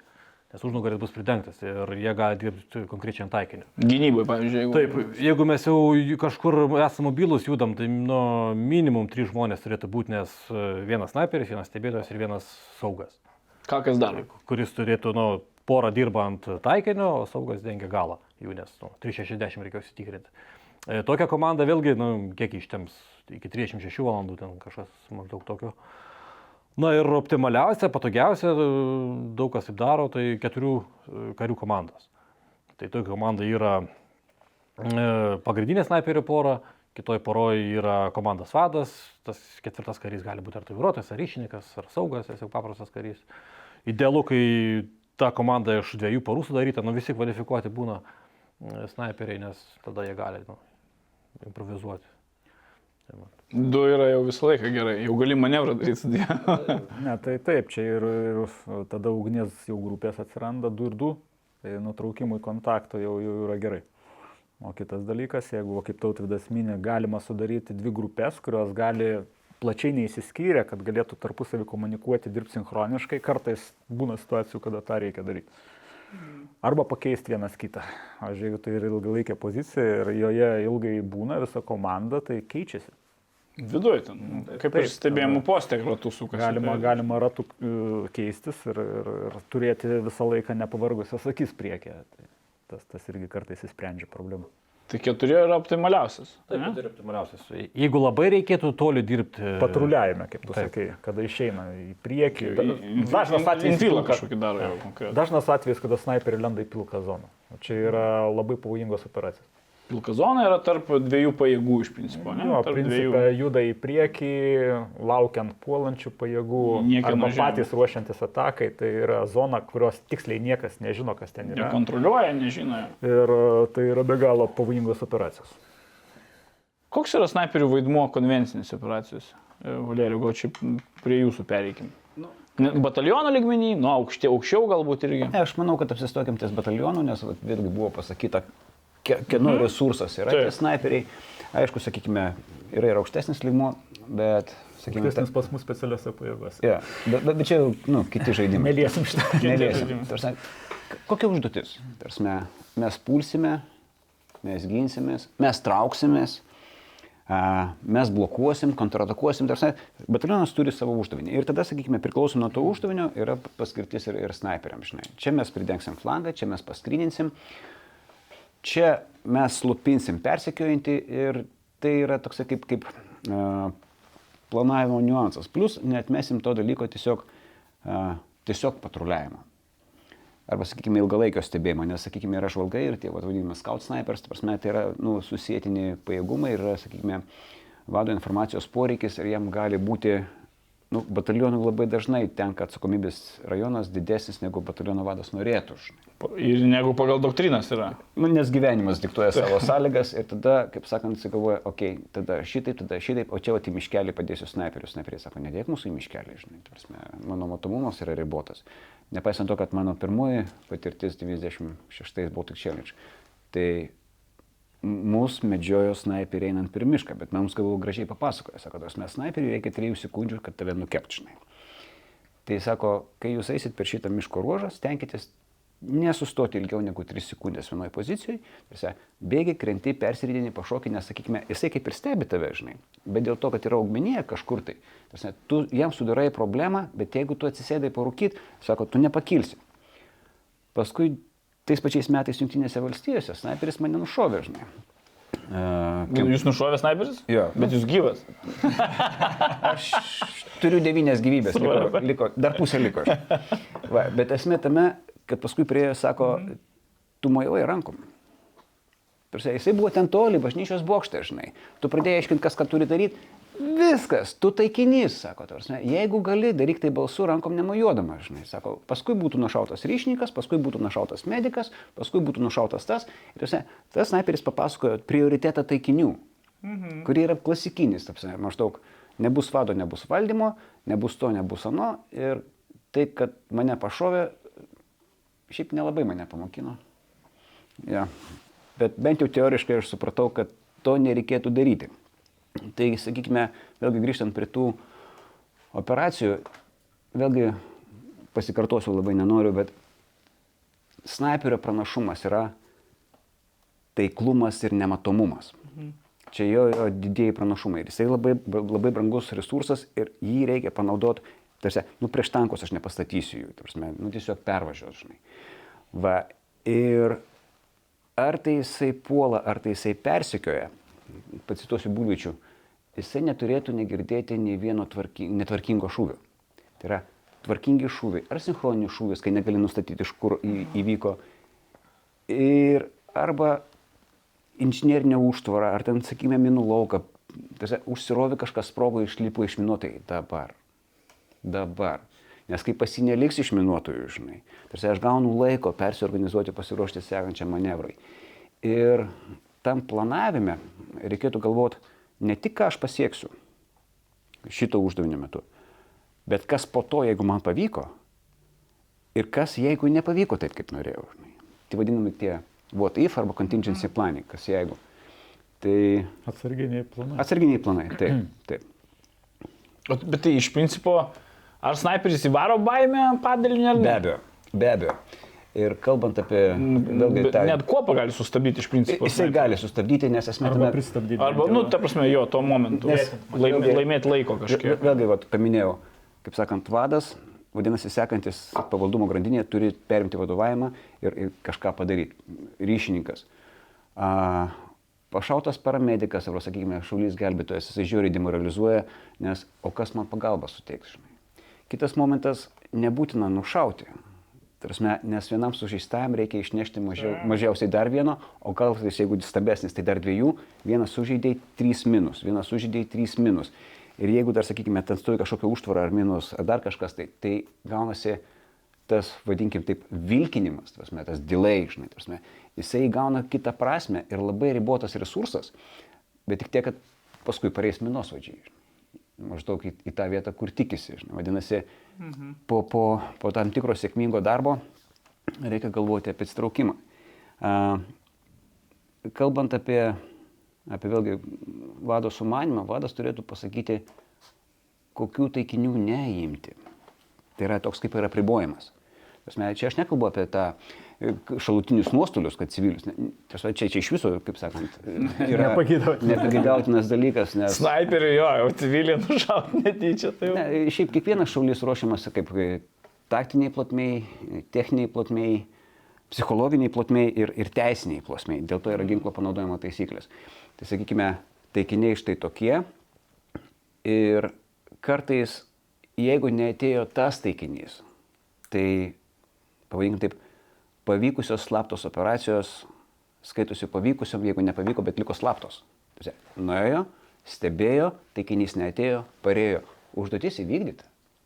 Tai yra, ne visą laiką reikia turėti tą Nu, trigger žinai. nesutikčiau, aš įvykdyta, bet nesugadinta. bent jau. Nesugadinta, nes, nes aš neapšviečiau resursų. Taip, taip, taip. Va, Tai... tai, Ne, tai gali būti vertinga informacija. taip, Ir plus žvalgybinė informacija kažkas surinko gal. ja, tai, tai yra Taip, informacija. taip, teisingai. Iš tikrųjų, prisipažinsiu, man irgi yra du kartus nušovę snaiperiai, kai buvau, kai su kuo pagyniau oro uostą seną pajuošio pa prie panevežio, tai ten amerikiečių batalionas polė ir irgi tada per aptarimą sako, nu, mūsų snaiperiai tave du kartus nušovė. Bet čia per vieną dieną. Jo, Net per vieną, dieną. per vieną parą. A, Nu, bet, amerikiečiai ten buvo gerai. bet jo, jo, ten Buvo buvo. vieną kartą nuėjęs snaiperis, kada aš buvau o, ganeriu prie 50 kalibro kulkos. Ant bokšto, ne? Jo. Nu tai va. Tai irgi taikinys yra. Taip, taip. O tikrai. šalmas tavęs nesaugo nuo snaiperio kulkos. Viskas. Labai paprasta. Ar snaiperių operacijos planuojamos kaip nors kitaip e, negu šiaip standartinės? Ir ko- kokia yra, na, nežinau, iš principo tam pačiam procese viskas. I- Iš esmės planavimo Verda. procesas yra lygiai tas pats. Tik tai tiek, kad kai mes kalbame apie manevrinius vienetus, tai visi supranta pajėgumą, pranašumus, apribojimus. Tai, va, sakykime, lygiai tą patį reikia išmanyti apie snaiperius ir jeigu ne, ateikit viršylą papasakokit. žinai. Prasme, kur čia mano. Tai, sakykime, o pačioj procedūrai, kaip sakant, rizikos vis tiek vertinamos, prasme, tikslai koordinuojami šitoje vietoje, nemanau, kad kažkas smarkiai skiriasi. Bet yra, vėlgi, vat, Ernestas paminėjo prieš tai, papuolė jėgerių komanda į pasalą.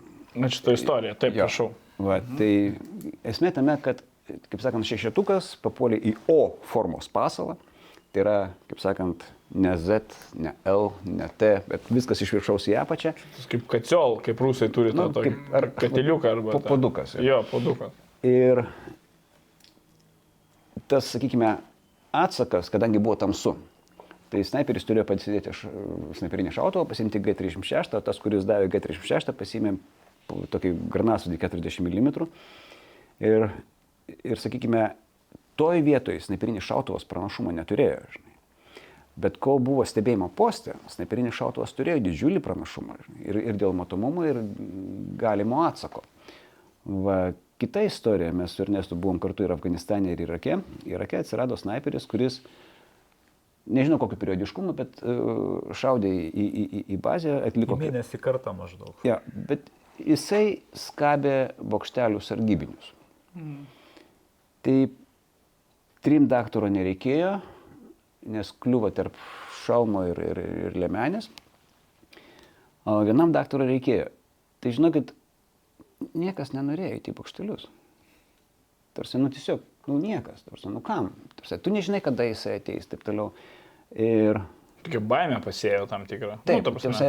čia yra iš tikrųjų moralinis. Demoralizuojantis faktas. Ir, ir kai mes kalbame apie tas konvencinės operacijas, turėtume suprasti, kad operacinis rajonas, ar tai niekieno zona, ar tai ten polimas, ar ten atsitraukimas, ar tai dar kažkas, ar patruliavimas, yra tiesiog tam tikros, sakykime, trumpesnės ir ilgesnės taktinės bazės, kur vienetas nemanevruoja, bet užsima, nu, savęs saugojimu.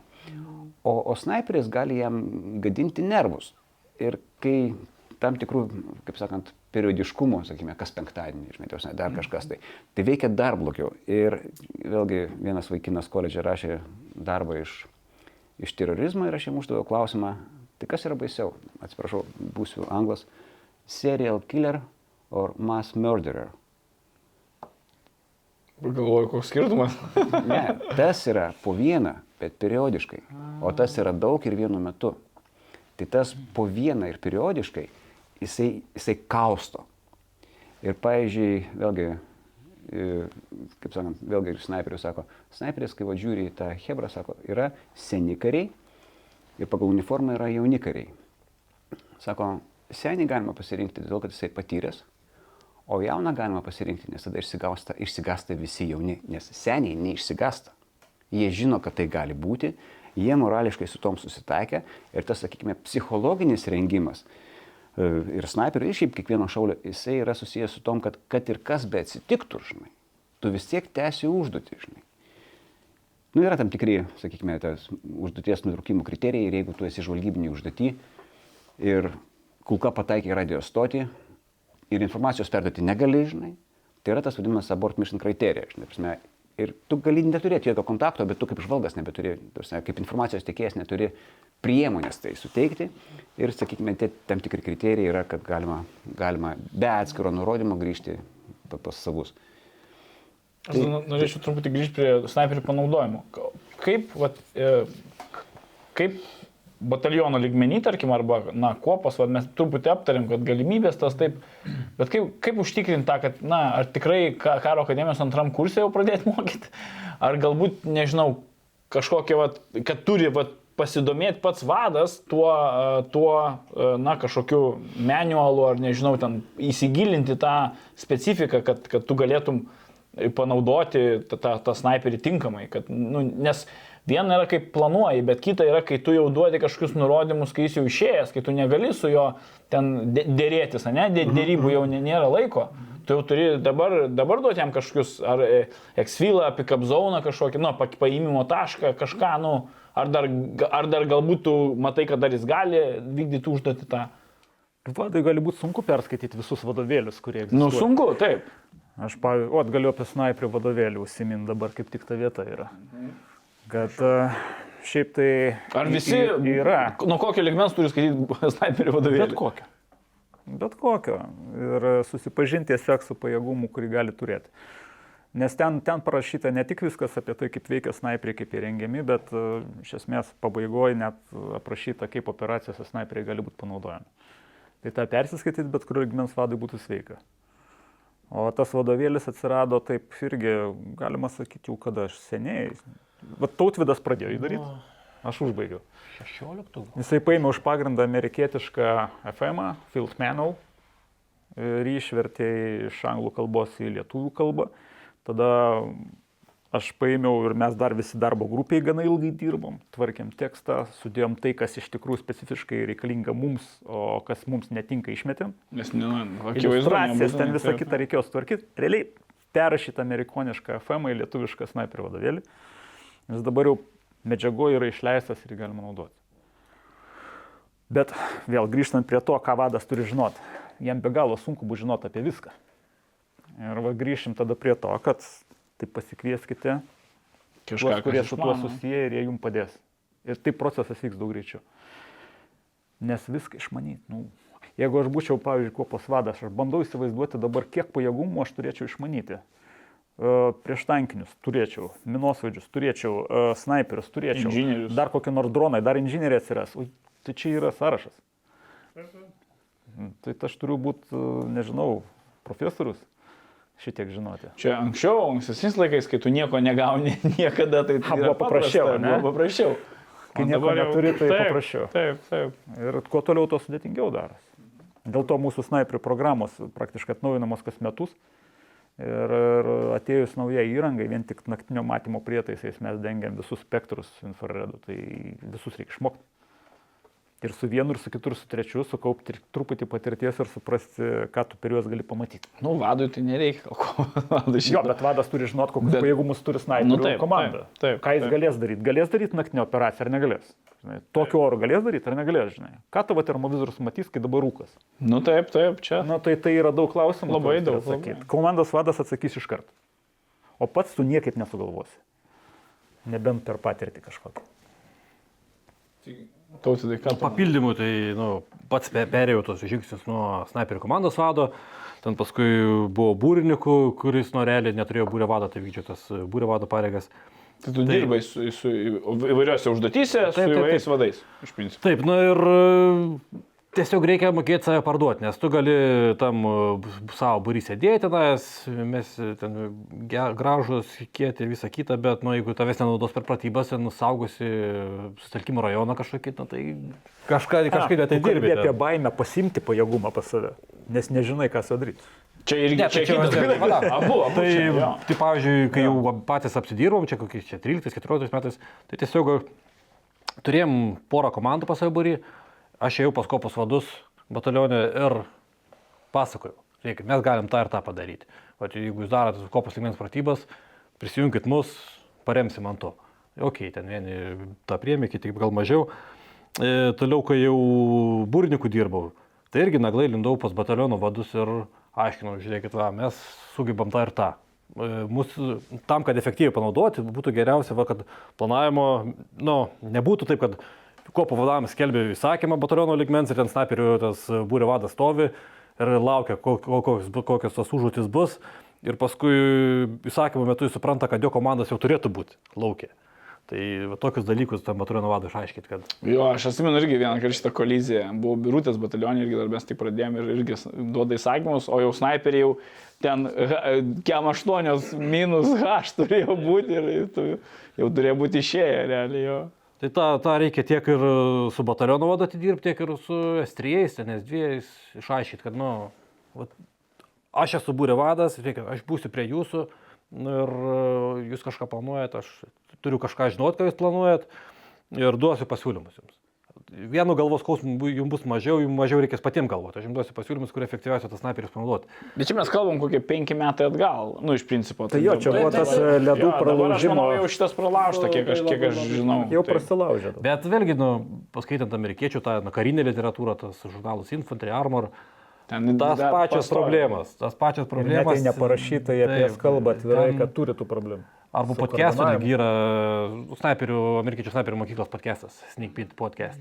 Tai ten irgi tą patį vis kartoja, kad skiriaus vadė, tu eik save parduok, parduok kopos vadui, parduok bataliono vadui, kad, nu, žiūrėk, aš taip dirbu. Yra čia marketingo šiek tiek Taip, tu turi. tam reikalė. Gerai, supratau. Žodžiu, reikia pardavinėti save. Nu reikia, net kariuomenė, matai. Taip šeina. O žiūrėkite, kaip yra su tom snaiperių dvikovom. Aš atsimenu, vat, filmuose irgi ten labai dažnai vienas snaiperiai, counter snipingas, ten vieni prieš kitus, jie Ukraina iš tikrųjų irgi to kažkiek dabar yra, man atrodo, ten, tipo, vieni prieš kitus. Jo. Kiek snaiperis dirba prieš snaiperį, va taip gal pasakysiu. Na, konvenciškai. O, o kiek galbūt minosvaidžiai arba ten, aš tai vieną istoriją. Prieš atsakant jums į klausimą, kad jūs turėtumėte laiko pagalvoti, kai buvau Ukrainoje, ne dabar, bet ar anksčiau, tai pasako irgi man istoriją, kaip nuėmė vieną separų sniperį. Sakė, jis ten buvo kažkur ant medžio ar ant e, kažkokio pastato, tai sako, pamatėme jį, tai paėmėm tą šilką vadinamą, kur prieš zenitinis pabūklas ir ten su, susiuvo. susiuvo, jo, susiuvo su šilka. Tai čia irgi variantas, aišku, bet tu, čia resursų toks švaistimas iš dalies, gal, o gal ir ne. Ne visai. Iš tikrųjų, sniperis dabar Ukrainos kariai, ypač kai yra stacionarios pozicijos fronte, yra portilerijos antras pajėgumas. Ir e, ten jų dirba daug įvairaus lygio ir e, sniperis prie sniperį yra buvę atveju. Netgi pačioje konflikto pradžioje, kai, kai pradėjo savanoriai šaudyti, susipirkę šautuvus ten visokius. Ir bent vieną atvejį aš tikrai žinau, tas sniperis gydėsi Lietuvoje.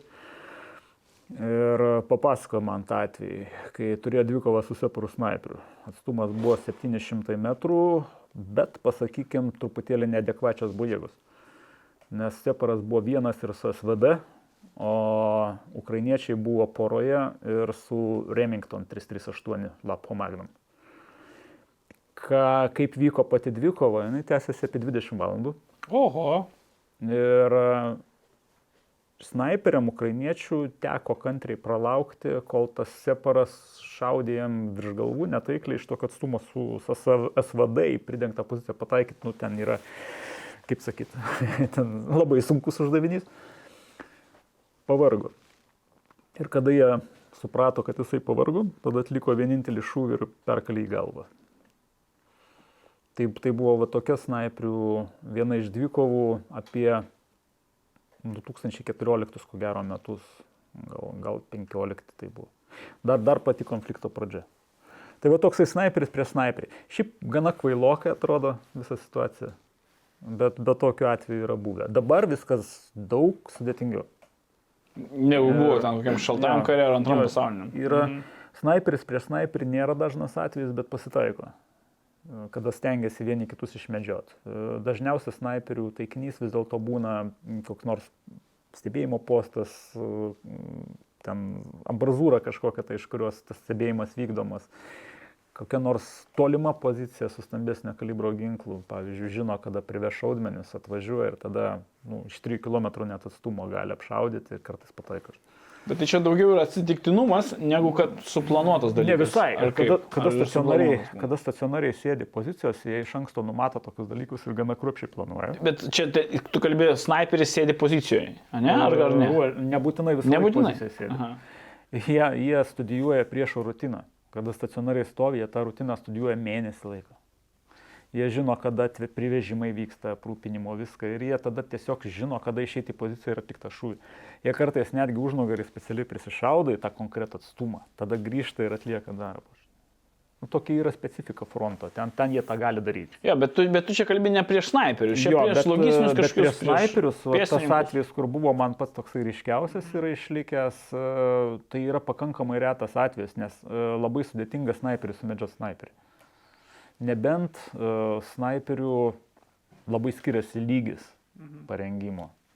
Ir tada gali tiesiog kitas snaiperis padaryti lentingą klaidą, išeiti į kito snaiperio sektorių ir, ir tiesiog papult. Yra tokiu atveju buvę, kai Blue and Blue, vieną atvejį žinau, kai nekoordinuotai išeina snaiperių grupė, išeina iš kito padalinio pamedžioti irgi. SSVD, ai varau separų pašaudysiu. O ta snaiperių grupė išėjusi, jinai nežino, kad tas išėjo pamedžioti. Ir nukala savo. Bet tas paaiškėjo tik po to. žinai. Nu, tai yra liūdnesni variantai, snaiperis snaiperį, nu, bet čia nedvikova, čia, čia yra labai skaudus Bliu ant bliu čia. Draugiškos ugnies, kuri visai nedraugiška atvejs. Tai pasitaiko tokių. Kaip, kaip vat, jūs vertinat kiti, Valeriau, kaip jūs dėl snaiperių dvikovo? Jūs tikrai esate nekartą, turbūt knygose skaitęs ir, ir filmuose matęs, kai ten, žinot, būna. Ta, aš atsimenu tą filmą, kaip ten priešas už vartų ten, ne, kur Čia buvo. daug egzotikos. Egzot, ten snaiperiai, vieni kitus medžioja. Ne, tai tą yra parodę net ir apie Chris Kailį, Amerikio, Amerikos snaiperis. filme. Mhm, taip, dar va. Ten šiaip jau įstvudas leido savo gerokai paimprovizuoti, nes tokios dvikovos net nebuvo. Bet filme tą parodo kartais iš milžiniško nuotolio, kažkai kaip aptinka snaiperį, kuris yra gerai patyręs iš tikrųjų, bet e, mūsų patyręs labiau ir nugali tą dvikovą. Bet e, nu tokiu atveju, kada va, taip va, vienas kitą medžiotų, nu, tiesiog, tiesiog nežinau, čia, čia yra labai retas atvejis turbūt. Dažniau vyksta kovos prie snaiperis operacijos. Tai čia snaiperių indėlis yra nepamatuojamai svarbus, nes a, snaiperiai tokiu atveju žinodami, kokia yra snaiperio darbo specifika, jie tiesiog a, gali atlikti tam tikrą tyrimą arba nustatyti galimas pozicijas, e, galbūt apgaulės būdus, kad išaiškinti iš kur, kada ir kaip dirba priešo snaiperis. Tada nebūtinai kitas snaiperis iš pozicijos išims, bet gali būti kombinuotas veiksmas pasiūs patrulį, kad tą sniperį pakeltų, apšaudyti artileriją, kad jis pradėtų judėti ir tada galbūt sniperis užbaigs tą darbą. Tai, tai būna dažniausiai kompleksinės kažkokios tai operacijos, kovos prie sniperius. Arba elementarios labai pasyvios priemonės. Žiūrėkit, čia, čia ir čia, arba bėgte, arba visai nieko. Tai tiesiog sniperis patarė, kaip elgtis, kad neįvyktų nelaimė. O kas vat, ir Ukrainos fronte dažnai vyksta, tai dažniausiai žūsta drąsūs kariai, kurie dar gerai neapšaudyti mūšį. Atvažiavo nauja rotacija, išėjo į pozicijas, nu, taigi kare esam, reikia pašaudyti. Pasiemo kulkosvaidį, vieną seriją pralėja. Hm, gerai, dar vieną seriją pralėja. O priešingo pusėje jau jo pozicija yra užsekta, žinai. Trečios serijos jau nebebūna kartais. Tai tokių, tokių krūvinų šleifų aš nuotraukose prisižiūrėjęs nemažai ir, žodžiu, čia yra dažniausias atvejis. Tautai, kaip tu galvoji? Snaiperis prieš snaiperį. Čia... Nu, tai čia la- labiau iš filmų gal yra žaidimo perėję tokie dalykai. Bet e, kalbant apie tą countersnipingą, tai pačiam tekdavo, tarkim, per bataliono mokymo periodą ar ten brigados mokymo periodą vesti paskaitas apie snaiperio panaudojimą. Tai, kaip Ernestas jau ir minėjo, tai pagrindinis dalykas, ką mm, ar tai snaiperių komandos vadas darys, ar dar kažkas patars tam padaliniui, kuris va, turi nuostolį nuo snaiperio arba planuoja, kad gali ten būti. Kaip maskuotis, kur pavojing, pavojingos vietos, kur gali būti priešai snaiperiai, tenais, kur gal įstatyti kažkokius sunkiuosius ginklus. Na, o tam jau grinai mūšio laukia, tai nu, elementariai, nu, tai tie snaiperiai panašiai galvoja vis tiek apie tą poziciją įsirengti ir pačiam teko, kad per vienas pratybas mes ten poziciją trysę įsirenginėjom ir Danų snaiperiai, prieš kurias kariavom, tuo metu šalia sustojo su mašina žvalgas tą vietą, tai jau tą parodo, kad vienodai matom tą, Vieta pan tą, tą gera. vietovę. Taip. Na ir nu, šiai dienai vėlgi kaip tu maskuosies, kokias tu priemonės turėsi. Jeigu tu, tarkim, prastai maskuojas, e, neturi šiluminio stebėjimo prietaisų, priešas tą turi, jisai mato kažkokį vieną galvutę gal išindusią. Nu, stebėje tarimas yra ir gali nukalti. Tai tiesiog reikia suprasti. Išprovokuoti Turėt- šūvį į turėt- save gali. Reikia turėti- nebūtinai taip, taip, supras, taip. kad šauna į sniperį. Jis matys tiesiog taikinį. Viskas remiasi tuos tavo gebėjimus, snaiperio įgūdžius ir technologijas, kurias tu turi. Tai tas e, vaizdas dar, kurį sniperis mato, šiaip irgi yra įdomus e, reiškinys. O Hollywoodo filmus kartais žiūri, nu, gal nebūtinai Hollywoodo, gali būti ir Bollywoodo kokio. Bet uh, esu vieną kartą matęs taip, kai sniperis mato vaizdą tokį, tokį ryškų. Va tai va paimčiau ir matau portretą. Ne? Dar pliusas būtų, dar Tai taikinys. per, per nosį pliusas. Tai čia filme atrodo, kad žiūri iš toli, o iš tikrųjų tai taip sarkastiškai sakydavau, žiūrėk, neblogas šūvis buvo iš 30 metrų. Nes sniperio taikinys, net galingoje optikoje dažniausiai būna daug mažesnių gabaritų. Bet nežiūrint to, iš tikrųjų, tai sniperis per optiką mato labai daug ir labai gali ryškiai identifikuoti, ką jisai mato. Aš e, nepavargstu perspėt kartais ir e, mūsų karių, kurie dalyvauja pratybose, kad jūsų karinį laipsnį tiksliai galiu pasakyti iš 400 metrų atstumo. Turėkite tai galvoje, žinai. Tai, tai tai, ką mato sniperis, nu, truputį skiriasi nuo Hollywoodo vaizdo, bet vis dar mes matyti galim iš tikrųjų labai daug, labai detaliai. Bet aišku, portreto vaizdo dažniausiai ne, nors šiaip jau artimi šūviai yra pakankamai sudėtingi. Bet čia jau mes turėtumėm kalbėti apie balistikos plonybės, apie kurias gal ir neverta čia plėstis. Bet žiūrėkit, dar dabar kartaisgi yra lengviau iššauti netgi iš toliau negu iš arčiau. Galipgi būti taip, ne? Nu, jau, jau provokuoju, pasakysiu. Nu, Tai sąly- nežinau, nu, egzistuoja tas vadinamas artimas nulis. Pavyzdžiui, urbanizuotose vietovėse gali tekti šauti kartais iš labai arti, taikantis per optinį taikiklį, nu, kuris virš vamžio linijos stovi gana aukštai. Gali būti 8 cm, kaip ant mūsų accuracy panašiai. Kulka, kad pasiektų tavo taikymosi liniją, turi užlipti pagal trajektoriją. Ir egzistuoja tas vadinamas artimas nulis. Jis būna m, taip tradiciškai tarp 50 ir 70 metrų, maždaug tam atstume, skirtingai pagal ginklus, pagal šaudmenį. Tas 100 metrų būna dažniausias atstumas, kur jau ginklas prišaudytas ir pataikom tiksliai. Nu, ten centimetro tikslumu realiai. Tai iki artimo nulio dar užlipa, kol užlipa iki artimo nulio ta kulka, kol susitinka su to taikymos linija, į tu pataikai visą laiką žemiau. Pavyzdžiui, jeigu urbanizuotoje vietovėje, va čia specialiosios policijos padaliniuose dažnai ta problema egzistuoja. Jeigu reikia šautą už 25 metrų į prieš, priešais esantį pastatą, pavyzdžiui, ir tu matai labai mažą taikinį, tu tiesiog gali nepataikyti ten, kur nori. Nes kulka dar nepasiekė tavo taikymos linijos, to artimo nulio. Ir tą reikia žinoti, tą reikia tada taikytis truputėlį kitur. Ta psichologiškai daryti nėra lengva. Taikytis ne ten, kur pataikysi. Taip, taip. Nu, tokia problema egzistuoja. Tai va, jeigu jau išprovokavai, tai aš taip pabandžiau kažkaip populiariai paaiškinti. Kas Ir gal dar papildymui dėl to, nu, kad kartais geriau šauti toliau, tai tiesiog, jeigu tavo tas, tikiesi, kad priešas bus toliau, nu, tu gal, gali leisti savo prabangą įsirengti patogesnę šalimo stebėjimo poziciją ir turėti stabilią šalimo padėtį. Žodžiu, ir tavo, jeigu taikinys yra kažkokių 800 metrų panašiai, tu guli savo patogiai ant kalnelio, nuo to atliksi gerą šūvį, nes galėsi visus tos stiklo šalimo principus taikyti. O tarkim, taikinys tavo už 300 metrų ir tu kažkokią liauną ten beržą tvėręs, bandai tą ginklą pasidėti, tavo padėtis to šalimo nestabili. Po šūvio pačiam bus nesaugu, nes nu, netgi su duslintuvu gali tave išgėrsti. Tai nu, tokie niuansai. Va būtent šūvio saugumas, atstumas iš tikrųjų tą irgi stipriai e, diktuoja.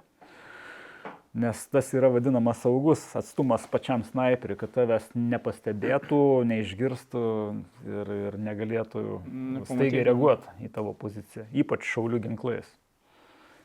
Nes čia yra labai pavojinga situacija. Po šūvio realiai jau tavęs ieškos. Valerijau, tai įsivaizduokim, kad jūs e, vat, esate dabar bataliono vadas. Nu, Lietuvos vat, standartinio, osilinio, galima sakyti, bataliono vadas. Kaip jūs vat, prieš užduotį žino, žinot, kad e, S2 skyrius, žvalgybos specialistai sako, kad e, priešas naudos snaiperius. Kaip jūs planuotumėt arba vykdytumėt counter-snipingo kažkokias, na, tai kaip čia, pro procedūras gal ar... Pasimčiau žemėlapį. Miškiai, ne, nu taip toli. Ne, tarsi, Ne, aš- jo, jo. ne, tarsi, aš įsivertinčiau vietovę. Įsivertinčiau vietovę, pasikvieščiau kutskalį. O čia aš, o tu vat raudonas. Ką darytum? Ką darytum? Kokią poziciją pasirinktum, kokią užduotį tikėtumai įsigauti iš savo bataliono vado? Norėtum dronus turėti. Ne, tai aš užsirašiau. Dronai, judesio sensoriai, kameros, termovizoriai, aš užsirašiau, žinai. Čia, čia visas meniu, aš visų jų noriu, žinai. Kitas dalykas, aš padaryčiau tam tikrą skryningą, kai aš žinau, kad jisai ateis anksčiau. Aš ateinu dar anksčiau, žinai, jeigu galiu, žinai. Tarsi tas proaktyv, žinai. Tai, tai atsakyčiau, tai būtų ta apsaugos operacija. Ir kitas dalykas, jeigu mes matome puikias pozicijas, o irgi pats paminėjai, šį čia, šį čia, šį čia, galite prisišaudyti minosvaidžiai. Galim prisišaudyti. Tarsi, mums reikia ten prisišaudyti. Ir jisai ten nebeateis. Nes aš čia ką tik prisišaudžiau, žinai. Taip, taip. Tada jisai turės keisti planą, žinai. O jeigu jisai atėjo prieš įsakymo gavimą, tai žiūrėk, kad nepareis. Tai čia taip grubiai, bet čia pradžiai, kaip sakant, tikrai pasikviešiau ekspertą maždaug ką, ką ta pusė darytų pagal doktriną ir ką jinai darytų, jeigu neskaitė savo doktrinos. Tarsi, nes tokių atvejų irgi yra labai nemažai. Nes kiti, kaip sakant, tiesiog iš, iš fantazijos. Bet jeigu tu įsivaizduoji, kad ten vaikinas yra doktrinos neskaitęs, bet su fantazija, nu, tai mes irgi turim tokių Čia tai mo- most likely, most dangerous Jo, jo, planus. jo, most likely, most dangerous, bet jo reikės, juos reikia vertinti abu. Ir kur daro vadai klaidas, tai uh, most wanted, tarsi, kur tas wishful thinking. Aš norėčiau, kad jisai čia ateitų, nes man patogu. Nes man patogu bus į čia sunaikinti. Jisai taip neateis, jisai nori, kad to būtų nepatogu, žinai, tai sakykime, nors kaip nejuokaujama, nepatogu ant lubų mėgoti. Bet manau, kad snaiperiai ir tai gali, ne? Nebandėm. Daug pavartai. Daug pavartėjimų. Paminėjot gerus pavyzdžius, ir nes tai va, jūs paminėjot tą, vat, kur iš ukrainiečių girdėjote, iš e, Irako nebuvo pavyzdys, o jūs gal dar kažkokių, ar girdėjote vat, patys tų vat, pavyzdžių, tokių realių iš, iš na, aišku, čia visą laiką, visą laiką yra ta tikimybė, kad kažkiek tas netitinka realybės, gandų kažkiek prideda ten, kad aš ten kiečiau variau negu kitas, ne? ne? Bet e, kokių pavyzdžių galima iš, vat, nu, iš pastarųjų laikų, Iš YouTube. YouTube pavyzdžiai. Visi. vat, masė yra video iš tikrųjų sukelta iš Sirijos. Ir ten galima pasižiūrėti, kaip Rusų, nerei- rusų ar kino? Nu, Aš nežinau, kino ten sirų prifilmuota. Sirų. Galima labai tvarkingai pasižiūrėti, ko nereiktų daryti mūšė mieste, pavyzdžiui. Ir ten a, masė yra prifilmuota video, kur snaiperis dirba pro kažkokią skylę sienoje, pro kažkokią tangą. Nu, kaip taisyklė, jisai ne iš gilumos dirba, nes a, iš gilumos labai siaurą sektorių matai, jisai tą vamzdį iškiša pro langą ir dirba. Na ir aišku, ten ne vieną šūvį leidžia. Jis dirba tol, kol, kol jam gerai dirbasi iš ten. Ir esu matęs ne vieną video, kai jis sulaukia ugnį atgal. Mm, Tai vieni variantai baigėsi fatališkai, kiti variantai baigėsi taip, kad anas sniperis irgi nepataikė. Kažkur pataikė jėgos kraštą, ten ištaškė tangą, gavo ten jėkis daug tinko ir, ir, ir visokių kitų nemalonių pojūčių, bet nu liko gyvas. Ir iš tos pozicijos jau daugiau turbūt nebešaudys. Nors jeigu gerai ėjo, tai irgi netaisyklė. Tai, tai tokių vat, galima prisižiūrėti ir iš esmės tai yra sniperis prie sniperį dažniausiai situacija, nes į tokį mažą taikinį, į tokį angą gali šauti tik kitas sniperis, kuris irgi prieki yra ir greičiausiai dirba panašių principų kaip šitas. tai jų tarpusavio toks apsikeitimas tada vyksta argumentais. Vienas kitą bando sumedžioti, išgaudyti ir, ir kartais pataiko. Nu, Dar kokių pavyzdžių yra? Į, į tų YouTube'inių tai žinot čia. Taip, bet... Dabar kaip tik tokia knyga, skaitau, tenais amerikiečių karininko atsiminimai iš Vietnamo, tai va, ten jis gerą pavyzdį pateikė va, to lankstumo panaudojimo, nes e, pats jis bataliono vadu buvo, na ir mes per pratybas, na, daugmaž vis tiek atidirbinėjom šabloną. Jis ten Vietname sėdėjo, tai fobė su savo ten batalionu ir, okei, okay, jis pasiruošė tos snaiperius, pradėdavo siūsti juos tiesiog pridengti takus kažkokius priartėjimo panašiai tas porą savaičių veikė, tenais tikrai jie gerai atmedžiojo, žodžiu, bet pradėjo nebeveikti taktiką, tie tuščiai grįždavo snaiperiai. E, Naktį pradėjo gauti kontaktų. Ir tais laikais jie turėjo tokius primityvius e, naktinį matymą prietaisus tie snaiperiai. E, Tai tiesiog e, naktį, va tuo laiku maždaug kaip daugiausiai vietnamiečiai dirbdavo, pakildavo su sraigtasparniu. Tas snaiperis įsitaisęs e, su ginklu tam sraigtasparnį per tą stebį, nu ir ten kažkur už kalvos juda tie Vietkongo partizanai. Nu ir jis už jo skrenda kavos sraigtasparnis. Ir jisai su traseriu kalą į tą judančią į tą koloną, kalą keli šūvis, taikinys pažymėtas, kavos sraigtasparnį galite dirbti. Tai va, tai tokie geri. O apie čia blogą tai- sniperį nori istorijas? Čia tai kaip? Vat Vietnamo priminė man apie blogą sniperį, irgi skaičiau amerikiečių knygoje ten. Žodžiu, jie gyvendavo vis tiek, kaip ir dabar misijose būna tie priešakinės bazės, tokie instaliacijos karinės, kurias nu, nuolat stebėdavo Vietkongas iš, iš išorės ir dažnai dirbdavo ir snaiperiai, dažniausiai naudodavo Mosino šautuvus antro pasaulinio karo tokio lygio. Ir vienas toks atvejis, išėjimas kaip tik tais vado o, blindažo eina į tą pusę, iš kurios vis nu, išeina ir kas nuo karto jam kulka čpum kur nors palei galvą.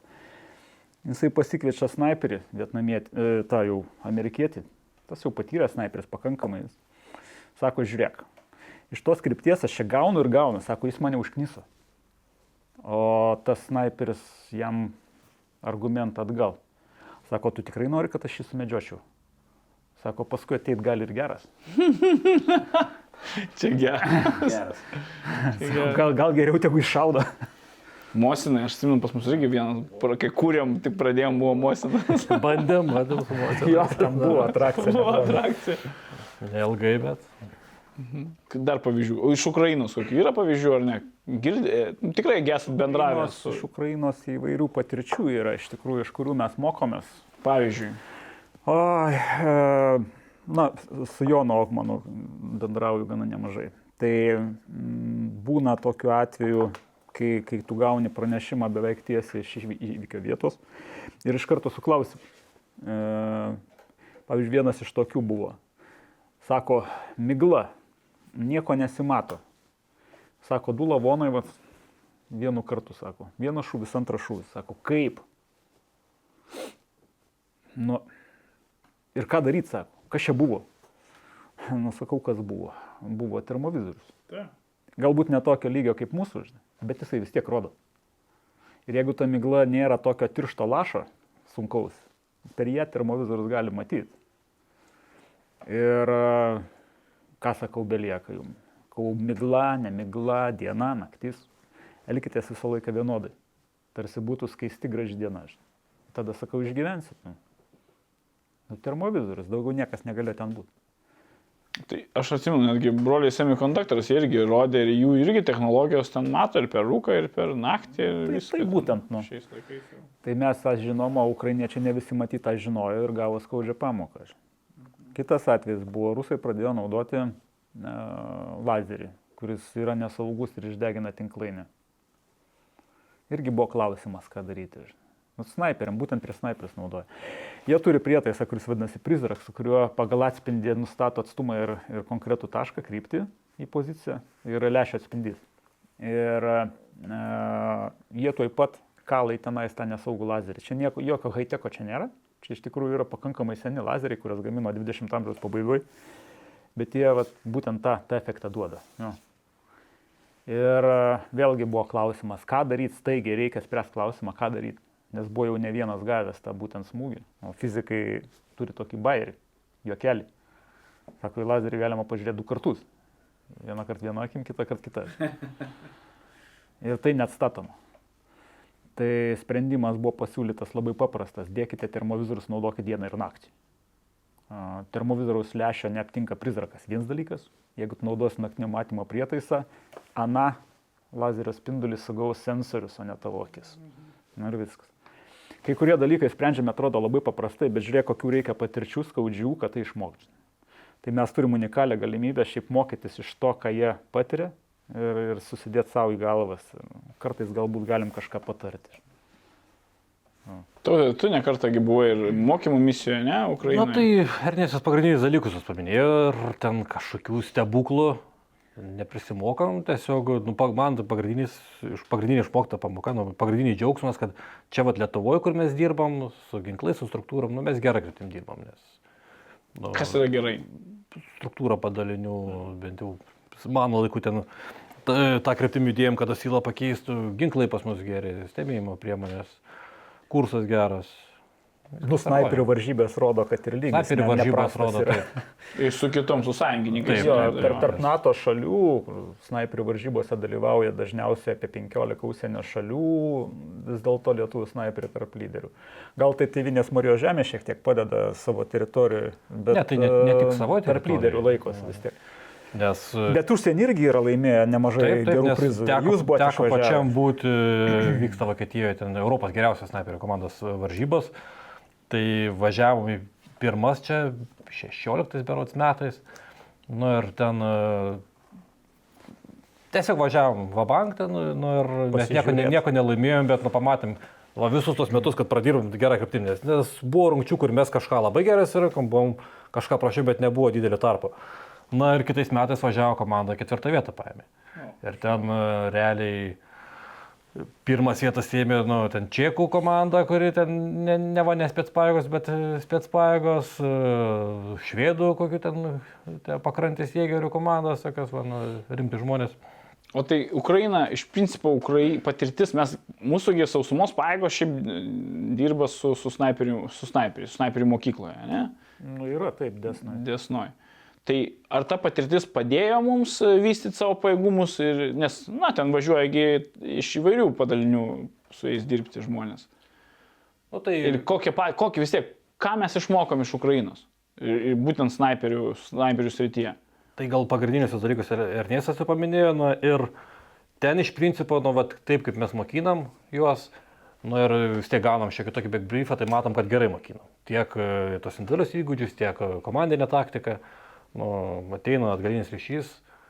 Reiktų pradėti tai- kalbėti apie tai turbūt, kad jie apskritai sistemingo rengimo iki tol Taip. neturėjo. Tai ten pas juos atsirado naujas dalykas, kur, kur sisteminis rengimas pagal programas, kur, kur labai aiški kryptis, ai, aiškios labai temos, ką jie turi mokytis. Nes aš esu turėjęs ukrainiečių snaiperius, man atrodo, 2015 metais, Čia Lietuvoje. jo, kaip kursantus. Nu, žinokit, jiem buvo tiek naujienų, kad e, tai vat nuo to tada pradėjom vystyti tą dalyką, desna išvažiavom, ten programos atsirado ir tautvydas ką matė. Jie dabar jau atsistojo ant to. Ir šiaip iš tikrųjų dabar ukrainiečių snaiperiai yra geram lygiai. Pak- Pakankamai rimtų yra dėdžių, e, tikrai gali vykdyti labai sudėtingus uždavinius. Kartais netgi sudėtingesnius negu mes ką darom. Čia iš, iš tų naujesnių, kur, kur jau yra patirtys per septynis metus karas sukauptos, tai jau ten atsiranda žmonių, kurie atvažiuos mus mokyti. Pakankamai rimtų yra. Ten yra ir pas juos ir, ir, ir Aš sužeidimų. nenoriu ir plėstis, kur ir kas ten dirba ir kaip. Kai kurie dalykai galbūt nėra labai vie- vieši, bet šiaip iš tikrųjų yra nedaug, bet yra labai rimtų komandų. Aš tai dar kiek, kiek vat, irgi teko girdėti, kad dar labai grėsm, grėsmės tokios atsiranda kaip aidyškės arba, na, tie improvizuoti sprokstamieji užtaisai arba kažkokios kryptinės minos, monai ten tie rusiški, nu ir kiti. Bet tai tos, tos, va, ten irgi gaudo tie dalykai snaiperius iš principo. Vieną netgi teko pažinot, kuris žuvo nuo MON 50. Nu, gaila. Tai va, tai, tai, tai, Snaiperių varžybose Lietuvoje tarp kitko dalyvavo ir užėmė pusautomačių a, divizione antrą vietą. Ir paskui išvažiavo, su apdovanojimu po pusantro mėnesio pasiekė žinia. Kad, žodžiu, savo įgūdžius bandė pritaikyti prieki, bet dėja nesėkmingai nepasisekė. Bet čia, čia irgi yra, nu, toms išmokta. Aš manau, kad irgi snaiperiai, aš nežinau, kiek jūs tą darot, bet kad nu, snaiperis turi labai atsargiai judėti, ypač toj pilkojo zonoje. Ne tik atsargiai, ten e, yra vienas labai pavojingas dalykas. Tai, kad į, į tavo judėjimą niekas nereagavo, tai nereiškia, kad tavęs nepastebėjo. Ir e, ten buvo klaida, kad jie nepasirinko skirtingo maršruto. Jie patikrintų maršrutų, kuris buvo tą kartą saugus. Antrą kartą einant tuo maršrutu jis jau buvo nebesaugus. Tai čia yra, nu, ir, ir pamokos. Toj, toj, toj komandos tada vienas žuvo, vienas sužeidė. psichologiškai, jeigu tave pamatė priešas, jisai kažkaip turėtų reaguoti. Turėtų reaguoti. Nu. Nu, iš- O čia Reiškia, jis nori, kad tu eitum tenais. Taip. Jeigu... jisai kitą kartą pasiruoš pasitikrinti. Čia yra labai pavojinga situacija. žinai. Man tada žinau, tai irgi. Čia net labai gudrus lapinus to- tokios situacijos prigauna už odegos. Tai Čia, čia, nu karas, visi bando pergudrauti vieni kitus. O fantazijos užtenka. Pas juosgi ten jau eilę metų nusistovėtos pozicijos ir ten minuota per minuotą tenais. Yra... Ne tik pozicijose, ne tik pilkoji zona, terminuota jo. yra separų teritorijų, nes slinkosi pozicijos kažkada. Tos minos niekur nedingo. Ten Visko yra. Minėjote varžybose, ne, visai neblogai mes dalyvaujam e, tarp, tarp visų na- NATO valstybių.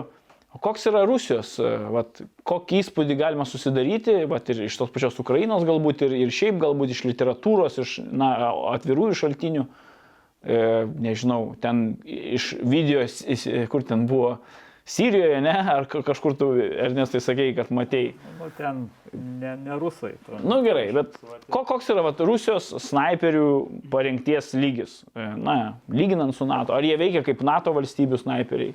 Ar kažkokia kitokia? Jeigu kažką žinote, tai prašau. Šiek tiek, šiek tiek matosi e, galbūt kopijavimo ir, ir e, sistemos keitimo, to pačio takta, taktinio naudojimo snaiperių.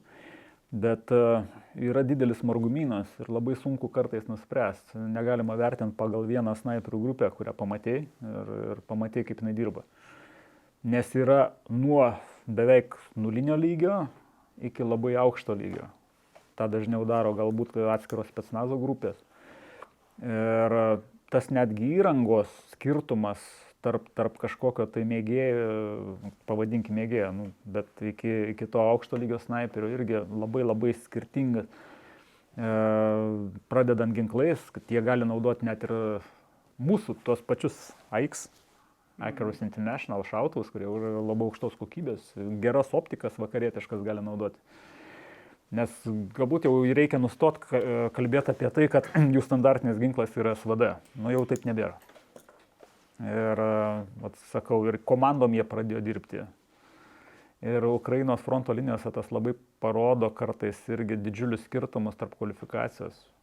Kai kurie naudoja senus metodus, pavyzdžiui, prisišaudo iš pozicijų į pozicijas, nu, ten grumstus nušauna kokius kas, susireguliuoja ir po to pradeda medžioklę. E, Bet e, čia yra ok, čia, čia atėjo, supranti, pašaudyti kažkas tai pozicijas. Kitu atveju e, visiška tyla fronte ir paskui ba, vienišas šūvis ir vienas skilia galvoj guli.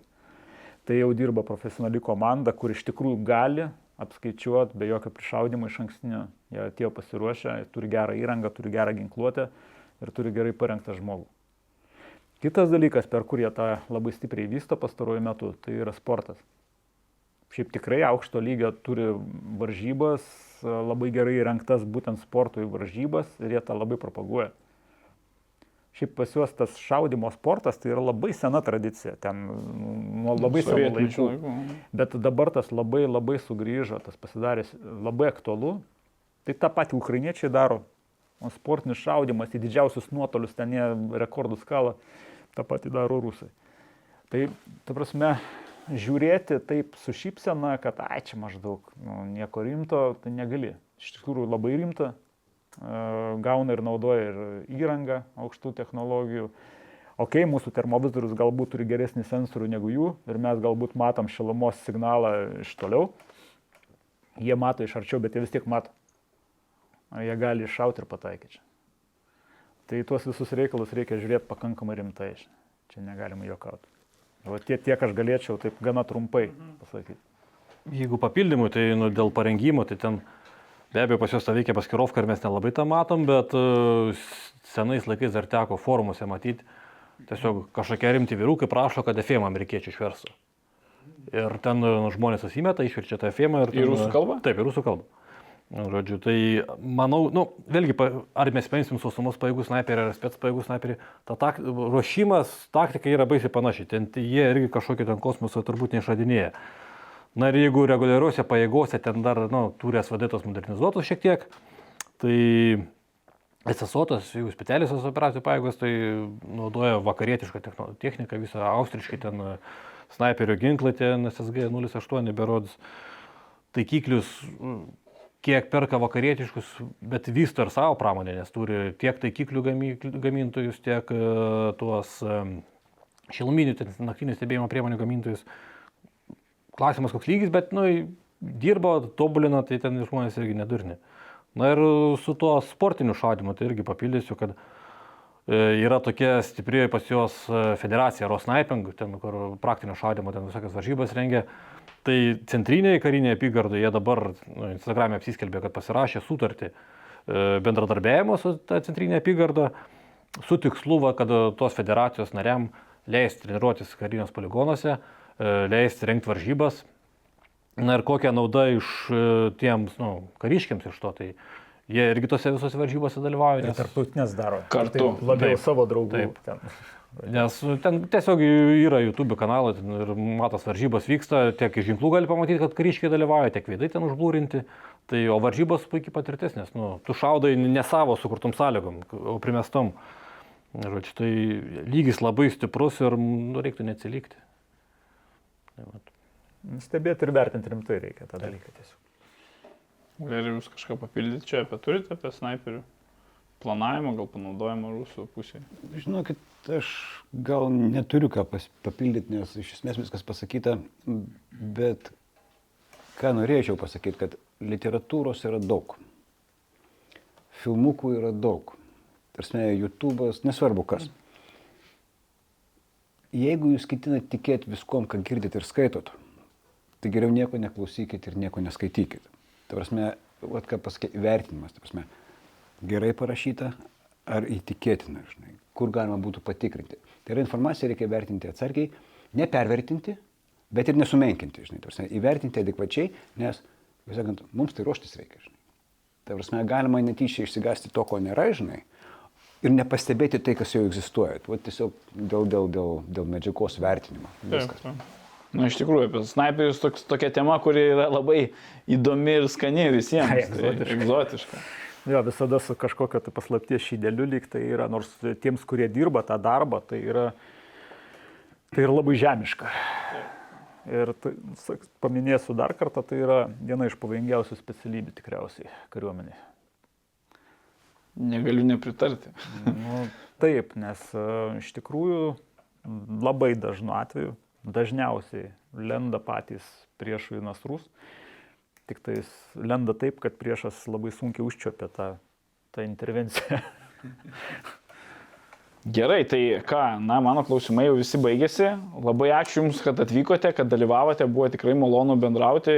Įdomi tema, aš manau ir mūsų žiūrovai tikrai džiaugiasi tuo ir a, dėkoju pašnekovams ir susimatysime kitose podkastuose. Viso. Viso Viso gero. Tai ačiū labai.